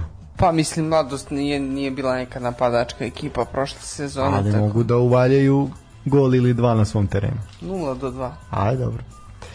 To je subota. Ajmo na nedelju. Nedelja, prokleta nedelja. Crvena zvezda, radnički iz Niša. Tomislav Sivić dolazi na Markanu. Prošli put je ponižen sa ekipom Novog pazara. Bilo je ono, jel, gastronomski vaterpolo rezultat. Šta očekujemo sada? Kec. Kako si to stidljivo rekao? Teo sam da kažem Kecko kuća, ali, ali, ali sam se A suzdržao. vidi, i Zvezda onda- zna i da onda kiksne je- u prvim kolima neočekivano. Ne mislim. Ne, ne, ja mislim baš suprotno. On kontre del boy. Mislim Znači, da Zvezda ovo dobija lagano. znači da će odmah krenuti da melje. Da, da, da. Znači, Kecko vrata i ti, ja. Ja ću staviti 3+. Plus. Ajmo dalje. E, to je Arena 1 Premium, to sam ostao dužan da kažem. E, na Areni 2 običnoj, Radnik iz Surdulice dočekuje debitanta u Superligi Srbija, to je Mladost sa satelita slash novog naselja Mladost Gat. Kec na radniki su ulici. Zar i ti sine brute? Zar ćeš izdati svoj klub i igrati keca na Surdulici? Ne, samo kažem ono otvoreno kako stanje stoji. Pa čoče, dobiš otkaz u klubu, jesi ti normalno? Neću. Strašno, ajde pisać. Ovo, ovo izdaji se, nisam nadao, ajde. Sad ono tako osjećam križu u savjesti da ja ću... igraju? Uh, Surdulica je domaćin mladosti. Dečko, pratiš li? Pratim, pratim, nego...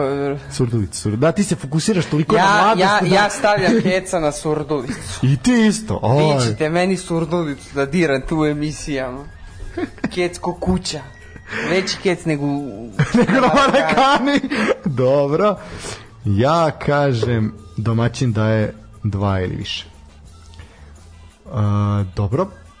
Od 20 časova Vojvodina napredak, rekli smo za utakmicu će biti besplatan ulaz, a možete karte preuzeti već su, uh, u sredu od posle 21 časa ispred Vladečinog dvora u centru grada. Vojvodina napredak, Kec.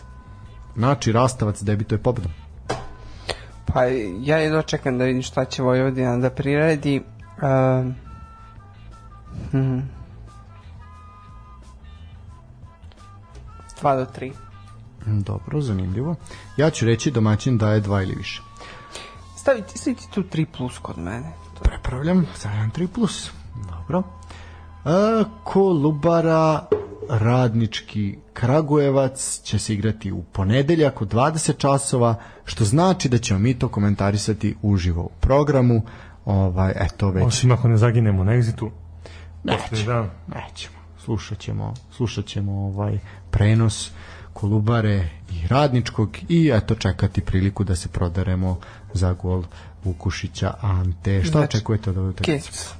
On, mislim, klubara ne može da, oma, da omaši, mislim, to je, mislim, sve, se, sve ide u tom smeru. Ja ću reći E, od aj- 0 do 2. Od 0 do 2. Ja ću reći specijal Ante daj gol. Ante plus. Ljudi moji, ja vam želim puno sreće u narednoj sezoni. Treba će nam. Nadam se da ćemo neku lovu nešto uzeti, pokloniti nekom kome je to bitno, pošto mi ovo radimo iz ljubavi. A eto, ako vi želite nama da poklonite neki dinar, mi ćemo biti vrlo otvoreni za to. E, Možete neki dres, neki prigodan suvenir, neku... šta god imate da nam, igru. sve, mi sve prihvatamo mi volimo sve, mi smo kao deca željni svega slatkiše, to tamanimo alkohol, sokove, sve, šta god nije zdravo i da goji sve, može, mi to sve volimo Možemo neke farmaceutske proizvode. sve suplemente, to sad je bitno na ovu vrućinu da se dobro ovaj hidriramo i pošto se minerali gube jel, kroz kožu i kroz znoj Joj, ajde dosta. ne, ne znam kako ste krenuli, dobro niste rekli praznimo šupe i podrume, bre. pa svešće se na to Pa ja vidim da je u tom pravcu krenuo. Ništa, ljudi moji, kratka pesma i onda se bavimo delima, delima i nedelima nedelima. svetu. Ajde, uživajte, radujemo se narodnoj temi.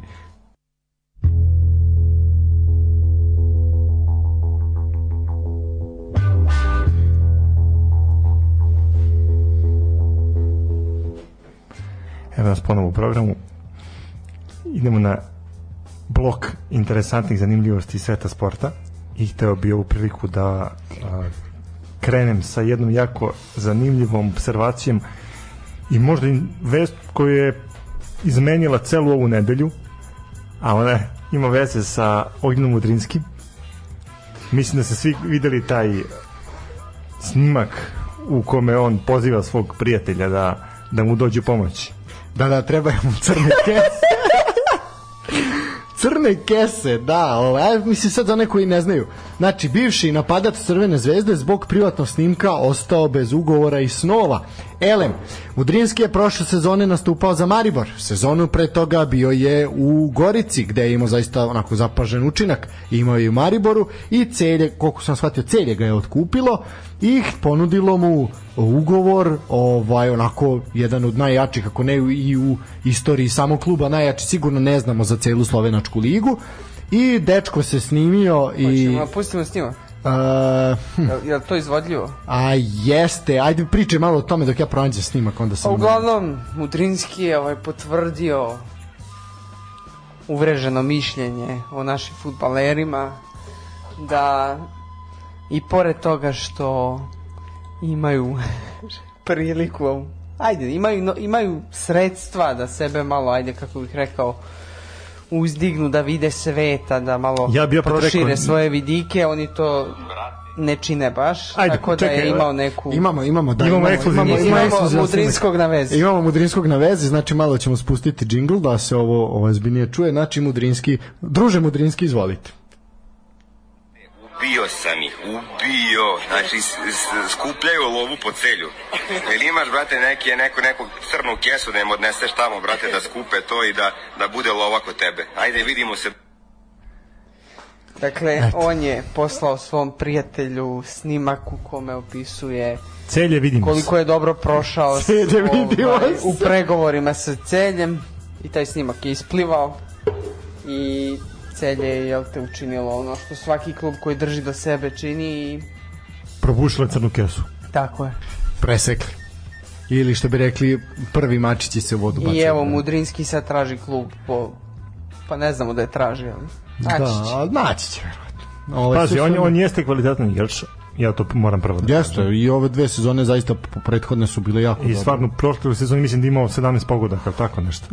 Bio je jako dobar, uh, opet jedan nesmotrena, A jedna budalaština. pa budalaština, ono, start, nam- start izjava ovaj, u kome je napravio izgleda šalu na svoj račun ga je koštala ugovora u futbolskom klubu Celje. Ono što mogu da kažem jeste da to e, ipak treba da se bave ljudi koji rade u futbolskom klubu bilo kom i izjavama i prezentovanjem igrača u javnosti. Više puta smo spomenuli to i uticali na izjave što funkcionera, što igrača, ponekad eto jedna šala može da napravi ozbiljan problem.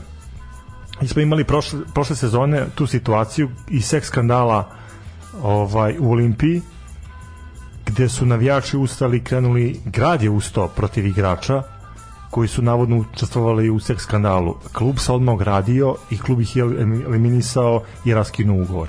A, celj u ovoj situaciji ponovo zaštitilo sebe. Znači, vidimo situaciju gde Slovenci, koliko god nama možda ne, ne delovali kao futbalska zemlja, radi neke stvari skoro drugačije od nas.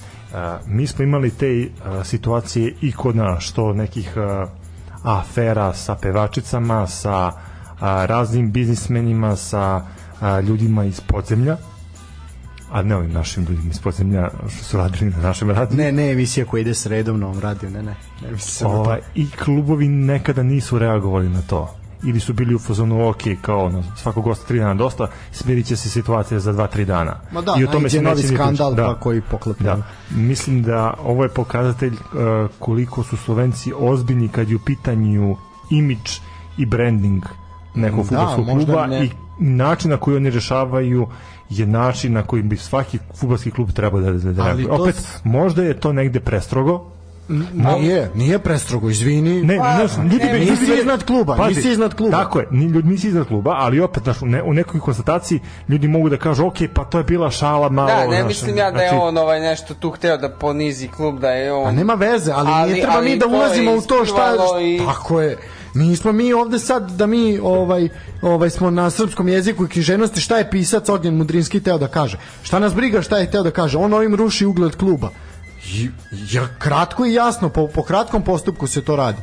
Znači, ali poenta je svega, ok, znači klub je odreagovao tako kako je reagovao, čuva svoj imidž, to je sve na mesto pro, poenta i zapravo suština problema je što sa mladim ljudima, sa futbalerima, se, oni, oni prvo jako mladi stupaju na pozornicu gde su svetla reflektora medija uprte u njih gde svako želi da ih iskoristi, gde će gledati da im nameste nešto da bi od njih dobili, znači i tako dalje i tako dalje. Mora se raditi sa mladim ljudima, mora se pričati. Klubovi moraju da pričaju sa njima, ljudi koji zaposleni u klubovima da razgovaraju, da im Barem u ovim najvećim klubovima za koje uvek odje, odjekne svaka vest, svaki, Tako svaki, je, svaki oni, gaf oni koji odjekne. imaju pos, pod koji su pod posebnom lupom. Da, mislim, Ognjen Mudrinski on je stasao u Zvezdi. Tako je, Jel da? Posle toga je igrao i za Vojvodinu i za Čukarički. tako je. I onda je su sve veliki klubovi za ove naše uslove. Tako je. Zvezda pogotovo. Ne, opet, opet znaš kao... Um, Samo mo- treba raditi sa mogućnost- njima i naučiti ih kako da se po, ponašaju. Jest, opet mogućnost interneta danas je velika Ali i su- ta vest koja je možda bila a, interesantna i taj kom, kao konverzacija između dva prijatelja je na kraju urodila ozbiljnim problemom. I ja bih volao da, da vidim kako se dalje taj prijatelj uh, Ognjena Mudrinskog osjećao i a, u kom pravcu je išla dalje njihova konverzacija. A, to gledam ovako na, na osnovu nekog, ajde da kažem, međuljudskog odnosa. Da vidimo situaciju koja je bila smešna, kod nas bi se drugačije to reflektovalo. Kod nas bi se možda napravila još veća fora svega toga. Pa, Ne bi me čudilo, znaš, mi smo narod koji zna neke ozbiljne stvari da pro, provuče kroz sarkazam i da taj sarkazam na kraju ima odjek a, dobre šale i da se mi sa time sprdamo narednih nedelju dana, a problem jeste ozbiljan. Pa mi, će, mi možemo, mi možemo nas trojica da se posprdamo sa tim i možemo, ali ovakve stvari treba osuditi. Pa I mislim, okej, evo, da, dajem ti primer, sad idem s teme na temu, eto, možda sam previše ovaj, i zakoračio u nadradu temu koja je nama trebala da bude a, isto interesantna, a tiče se a, nestanka struje u Hali Čajer. Odlična, ne, odličan je. Znači, naš odlično. narod je odmah nap- napravio šalu s sprdačinu sa tim. Znaš, kao, e, imaš ono, i u tom momentu, eto, to ono što sam pričao, ovaj, gleda se kengur na televiziji Da, i odmah agregati, kreće Da. se, razumeš, sa, sa sprdnjom, sa, sa šalama, a problem jeste ozbiljan. Da vi u je jednoj ozbiljna utakmici- sramota, ozbiljna Ozbiljna sramota. Ozbiljna. da oni ne mogu uopšte da pokrenu, uh, da obezbede struju, da se nastavi Ok, utakmica. sad dajde ruku na srce, kažu da je pola grada Niša, taj ceo kvart je ostao bez struje. Jeste, Pa, pa, bez bez struje, ali sad gledamo tu situaciju gde je danas predsednik Srbije urgira i A kreće. to je sad posebna priča gde se on meša u sve. Dobro, šta ima, a- ali šta te- predsjednika Srbije boli ona stvar, ili da ne kažem guzica, kad šta je nestalo struju u hali, sportskoj hali u, na jugu Srbije. Šta to njega briga? To njegov posao? Nije.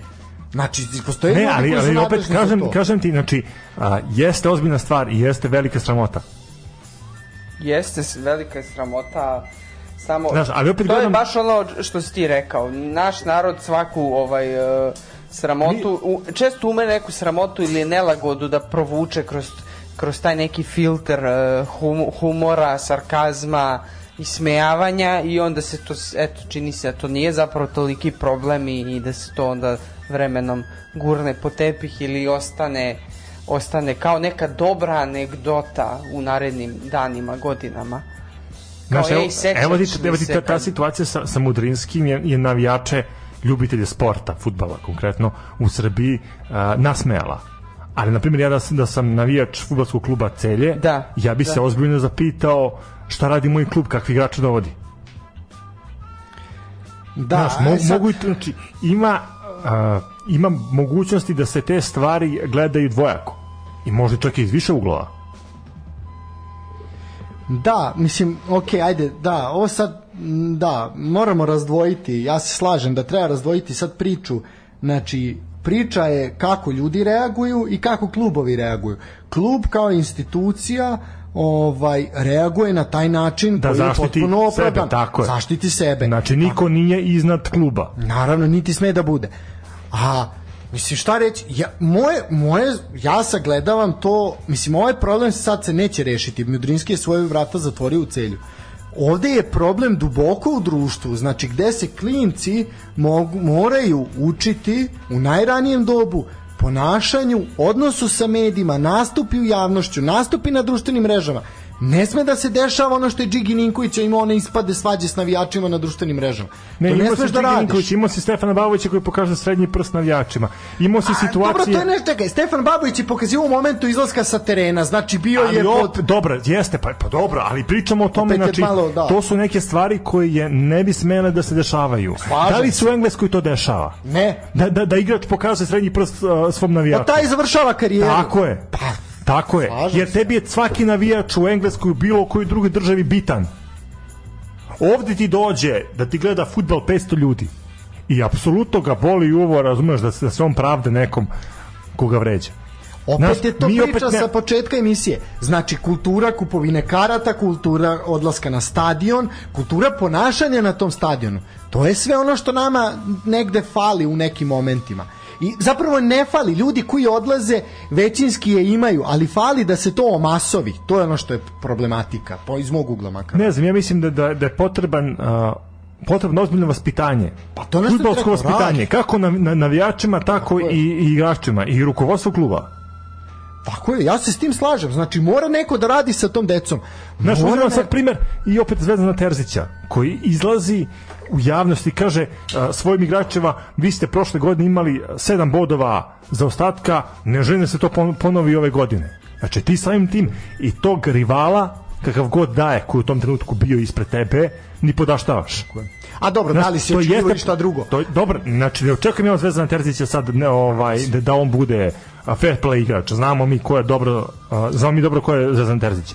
Ali pričamo o tome da treba da postoji jedna kultura komunikacije kad je u pitanju srpski futbal i srpski sport. To je poenta cele današnje emisije, kao i ova priča sa novinarima i slučajima oko transfera Pantovića. Znači, tu, tu ti je isto primer toga.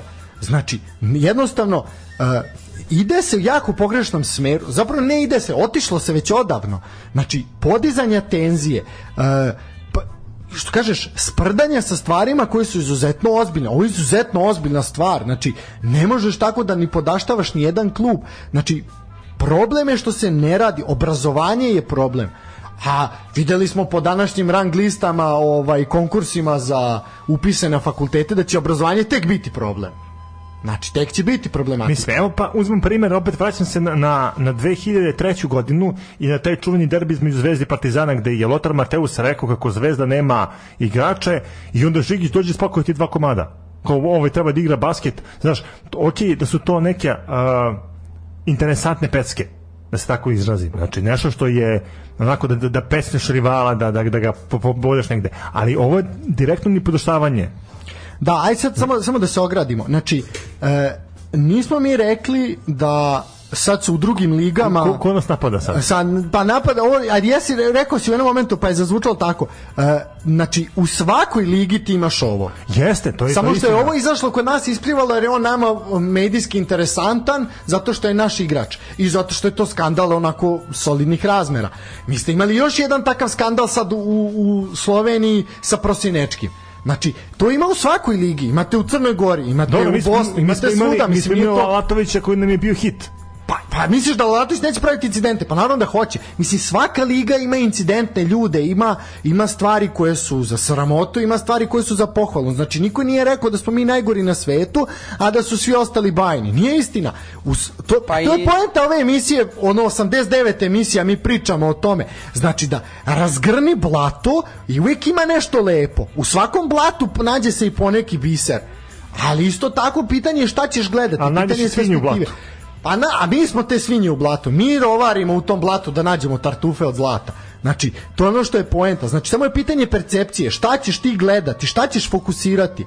Ako se fokusira ovo, a ne da je Mudrinski dao 17 golova, normalno da ispada Ovo antiheroj. opet, to je ta negativna selekcija Pa vesti. naravno, pa, ali to je opet mami klika. Znači, samo da se klikne, samo Me, da se meni, otvori. meni, kažem ti, ovo, ovo bilo, znači, kao nekom ko, ko gleda futbal iz, ko, ko apsolutno boli uvo za FK celje, mi je ovo bilo simpatično. Ali sad da se vratim, da se Meni to je- desilo meni, Da. ja bi, ja bi ozbiljno A da li bi se to desilo? Pa bi, može ne meni da se može desi on- Ne sutra. mogu oni da predvide da će, mislim, Ne možeš da mogu, predvidiš, a ali... Možeš, pa... Pa da, ali opet... Čekaj, Lukiću, se, sećaš se Duška Vujoševića koji je pre x godina rekao da kada se dovodi igrač u klub, izuzetno se obrati pažnja kakav je čovjek i kakvo mu je ponašanje. Da, može I da ne može da priča o stvarima koje nisu vezane za teren. Kraj. I zna se kako sportista treba da Pa izgleda, dobro je, ali- kako treba ali se ponaša, kako treba priča. Pominješ Vujoševića, mi smo imali slučaj, e, takav slučaj ove sezone u košarkaškom klubu Partizan. Dodali smo Kuruca za koga se znalo da je tuko devojku. Verenicu. To je Dobro, ja nisam znao, ja sam dao prvi put. Evo, ja sam čuo. Ja isto nisam ne znam Kako ti znao, mi nismo znali. Ja ne znam A kako tuko devojku. A stvarno? Pa bi, e, bi ovaj dizala optužbu protiv njega u Americi. A dalje Pa nije presuda. dokazano. A možda je htjela samo da mu uzme pare. A del osuđen ili nije osuđen? osuđen, da. Pa dobro, ali to je ta sumnja koju ti sad pominješ. Znaš da ti probaš da proceniš kakav je neko čovjek. Eto, Željko Bradović je možda procenio da on nije tu kod tu devojku i, i do kraja mu nije igrao celu sezonu jer je ovaj video da ne može. Sa njim i bila je ona tuča na treningu Da, sa da, da, Zagorcem da, da, i, da. i još gomila nekih Znači, pogrešno je procenio. Pa da. Ali Pa- to ti ja pričam, da ne možeš ti uvek da predvidiš. Ne kakav možeš, ali veliko je pitanje da li je uopšte nekog sagledavao tu situaciju. Na što je isto veliko pitanje. Pa eto, ja ne mislim da Željko Bradović nije sagledao. Naravno, situaciju, ali- Ali se i on zezna. Pa svako ima pravo na grešku, niko nije rekao da je neko bezgrešan, ali mislim to je to je sve sve normalno. Sve u svemu naš sad ne želim da ispadne kako smo mi najgori na svetu i naši igrači najgori na svetu, a svi ostali su bajni, daleko od toga. Mislim imali ste primere Ne, meni je ovo, ovo sa celjem e, odličan, odličan primer i meni je o, o, na neki način drago kada vidim ovu vest, kada u ovoj vesti vidim kako se celje ponelo. Razumeš, zato što mislim da, da je u našoj ligi da se to desilo, ja mislim da da bi neka drugačija priča. Ne, ja opet kažem, znači, Ajde, možda su ga prestrogo kaznili, možda su mogli da mu, da mu revidiraju taj ugovor ili da pa da vide kao da li on zapravo hoće da ide u celje ili, ili je u pitanju samo uh, crna kesa. Crne kese. Ali ovaj ali ja mislim da se ovo, ovo desilo u Srbiji da, da ne bi bilo. ne, mi mi napravili od toga sprdnju. To bi bio preme zabave. Pa, ali bi Znaš. ne, ljudi, ali klub ne bi verovatno odreagovao. Ne bi odreagovao kroz sprnju klub i sankcionisao. Pa pa imao si, imao si Partizan koji je sankcionisao svog najboljeg igrača Zvonimira Vukića i stra- odstranio ga iz ekipe. Pa, A naj, najbolji igrač bio u tom momentu u ekipi. Znači, opet kažem, mislim da niko nije ja opet iznad mi- mislim kluba. da, da, da zavisi od kluba i zavisi od igrača. Znaš, nekim klubovima se to ne bi desilo. Ubeđen sam da se to ne bi desilo. Pošto neki klubovi koji drže do sebe, da, da, da drže do, do svog renomea i koji rade s igračima. Eto, samo to. To, ključna stvar je raditi sa igračima. Ključna stvar to je da se radi sa igračima da ovakve stvari ne bi dolazilo. Znači apel jeste da se radi sa ljudima, da se razgovara. Znači javni nastup, kako izgledaš, kako se ponašaš, kako pričaš, kako odgovaraš na pitanja. Ono što smo imali nakon Final Fora uh, Euroligi u Beogradu. Znači kad je Vasim Iciću naletelo bezobrazno pitanje novinara o ratu u Ukrajini, gde trener je iskusan i kaže Vaso, hvala ti, idi u slačionicu. To je to. Ali znači, to takva predivno, inteligencija. Ti, ti možeš da kažeš igraču da on može da komentariše samo dešavanje na terenu i da ništa više. Ok, ovaj nije hteo da ga dovede u neprijatnu situaciju, Dobro, rekao je primer, da. Ali kažem ti da, da bi igrači trebali... Glupo, realno, mislim. Bezobrazno, to nije glupo, to je jako bezobrazno i To je bilo pitanje. pitanje skroz Zbog neumesno. provokacije. Tako je, tako je. Što bi rekao Boban Mravić, provokacija. to je to. E, pa misli sad da je pokrenuli smo priču te struje, ajmo još malo, moramo završavati uskoro. E, da, znači nestalo je nakon, u kom drugom minutu utakmice je nestalo struje ovaj, I u Čairu. se igra. igra se trenutno, ja ću vam sad reći koji je rezultat dok mi pričamo. Ma realno, kod nekog zanima rezultat. Pa zanima, boga mi bitne Zanima, Boga utakmice. mi, dečko, nemoj biti takav. Uh, sad ću reći, uh, utakmica, izgubili smo jedan razlike. 73, 74 i to u zadnjoj u zadnjem napadu smo primili dva poena i to znači sa dva poraza u kvalifikacijama Boga mi Zakuvalo se. zakuvalo se tam gde nije trebalo. Nestalo je struje, bilo je priče hoće se igrati, neće se igrati, pa su onda rekli FIFA, je, e, ta bože FIFA, FIBA je rekla igra se u ponedeljak u 19 časova, onda su Belgijanci rekli mi nećemo da igramo, pošto već imamo ne znam koju utakmicu zakazano, na kraju su morali da igraju, jer da se nisu pojavili na terenu bili bi sankcionisani. Bolje da se nisu pojavili, bolje bi mi prošli ovako poraz. Šta reći? Ništa. Ništa smo Nije, va, nije Sutra će valjao, da leze da nek, neki popust u maksiju. pa da, nije valjao, nije valjao Sali Đorđević naš, nije valjao. Ne, opet ja kažem, mislim da, da ono što Svetislav Pešić izjavio... Nije mogao pre ni Sale Đor... Ne. Svetislav Pešić je pre neki dan izjavio u nekom podcastu da naša sportska javnost uopšte ne prati kvalifikacije, da to nikog ne interesuje, da Ali se, nije istina, nas interesuje. i da se to očekuje već ono grupna faza i krećemo po medalju. Tako da ovo možda i nije toliko uh, tragično, ali opet vidjet ćemo uh, kako će naša reprezentacija u narednim utakmicama odigrati i verujemo se da će uspjeti da se plasira na, na euro.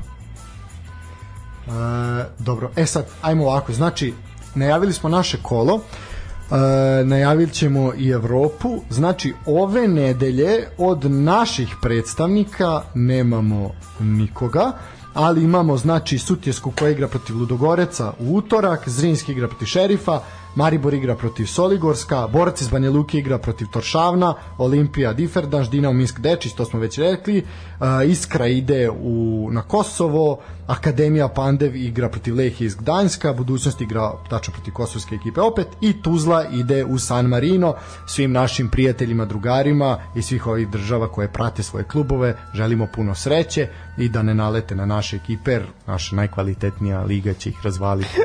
U regionu u najkvalitetnije. Regionu najkvalitetnija. Uh, imamo li još nešto da napomenemo? Ne, vaterpolo, to smo peti. Savić je rekao da smo Za to je realnost. smo rekli manje Je. Prosinečki, Ekipa- ekipa ne, to nije ništa, mislim, ništa ne očekivano što se tiče Prosinečkog. Nije on prvi otkaz i u Turskoj su ga najurili zbog neprofesionalizma. Tako da ne znam zašto je mislio da će u Sloveniji proći. Ispade da Slovenci najuzbiljniji na Balkanu. Mislim, ajde. A da li to, su? To, pa to je u suštini ono... Bečka škola. I Bečka škola, da. da. da, da, Pa znaš šta, prvi su se odvojili i pobegli od ovoga, naš, možda su zato napredovali shvat- najviše. Shvatili su kad je haos.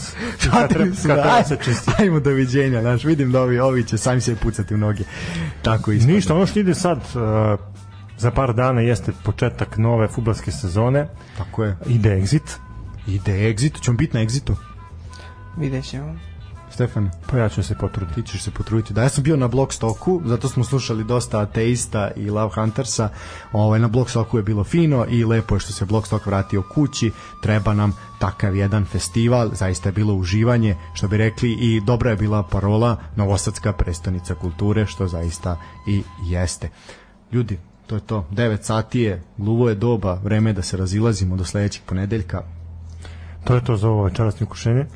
Hvala vam još jednom što ste izdvojili vreme da slušate sportski pozdrav.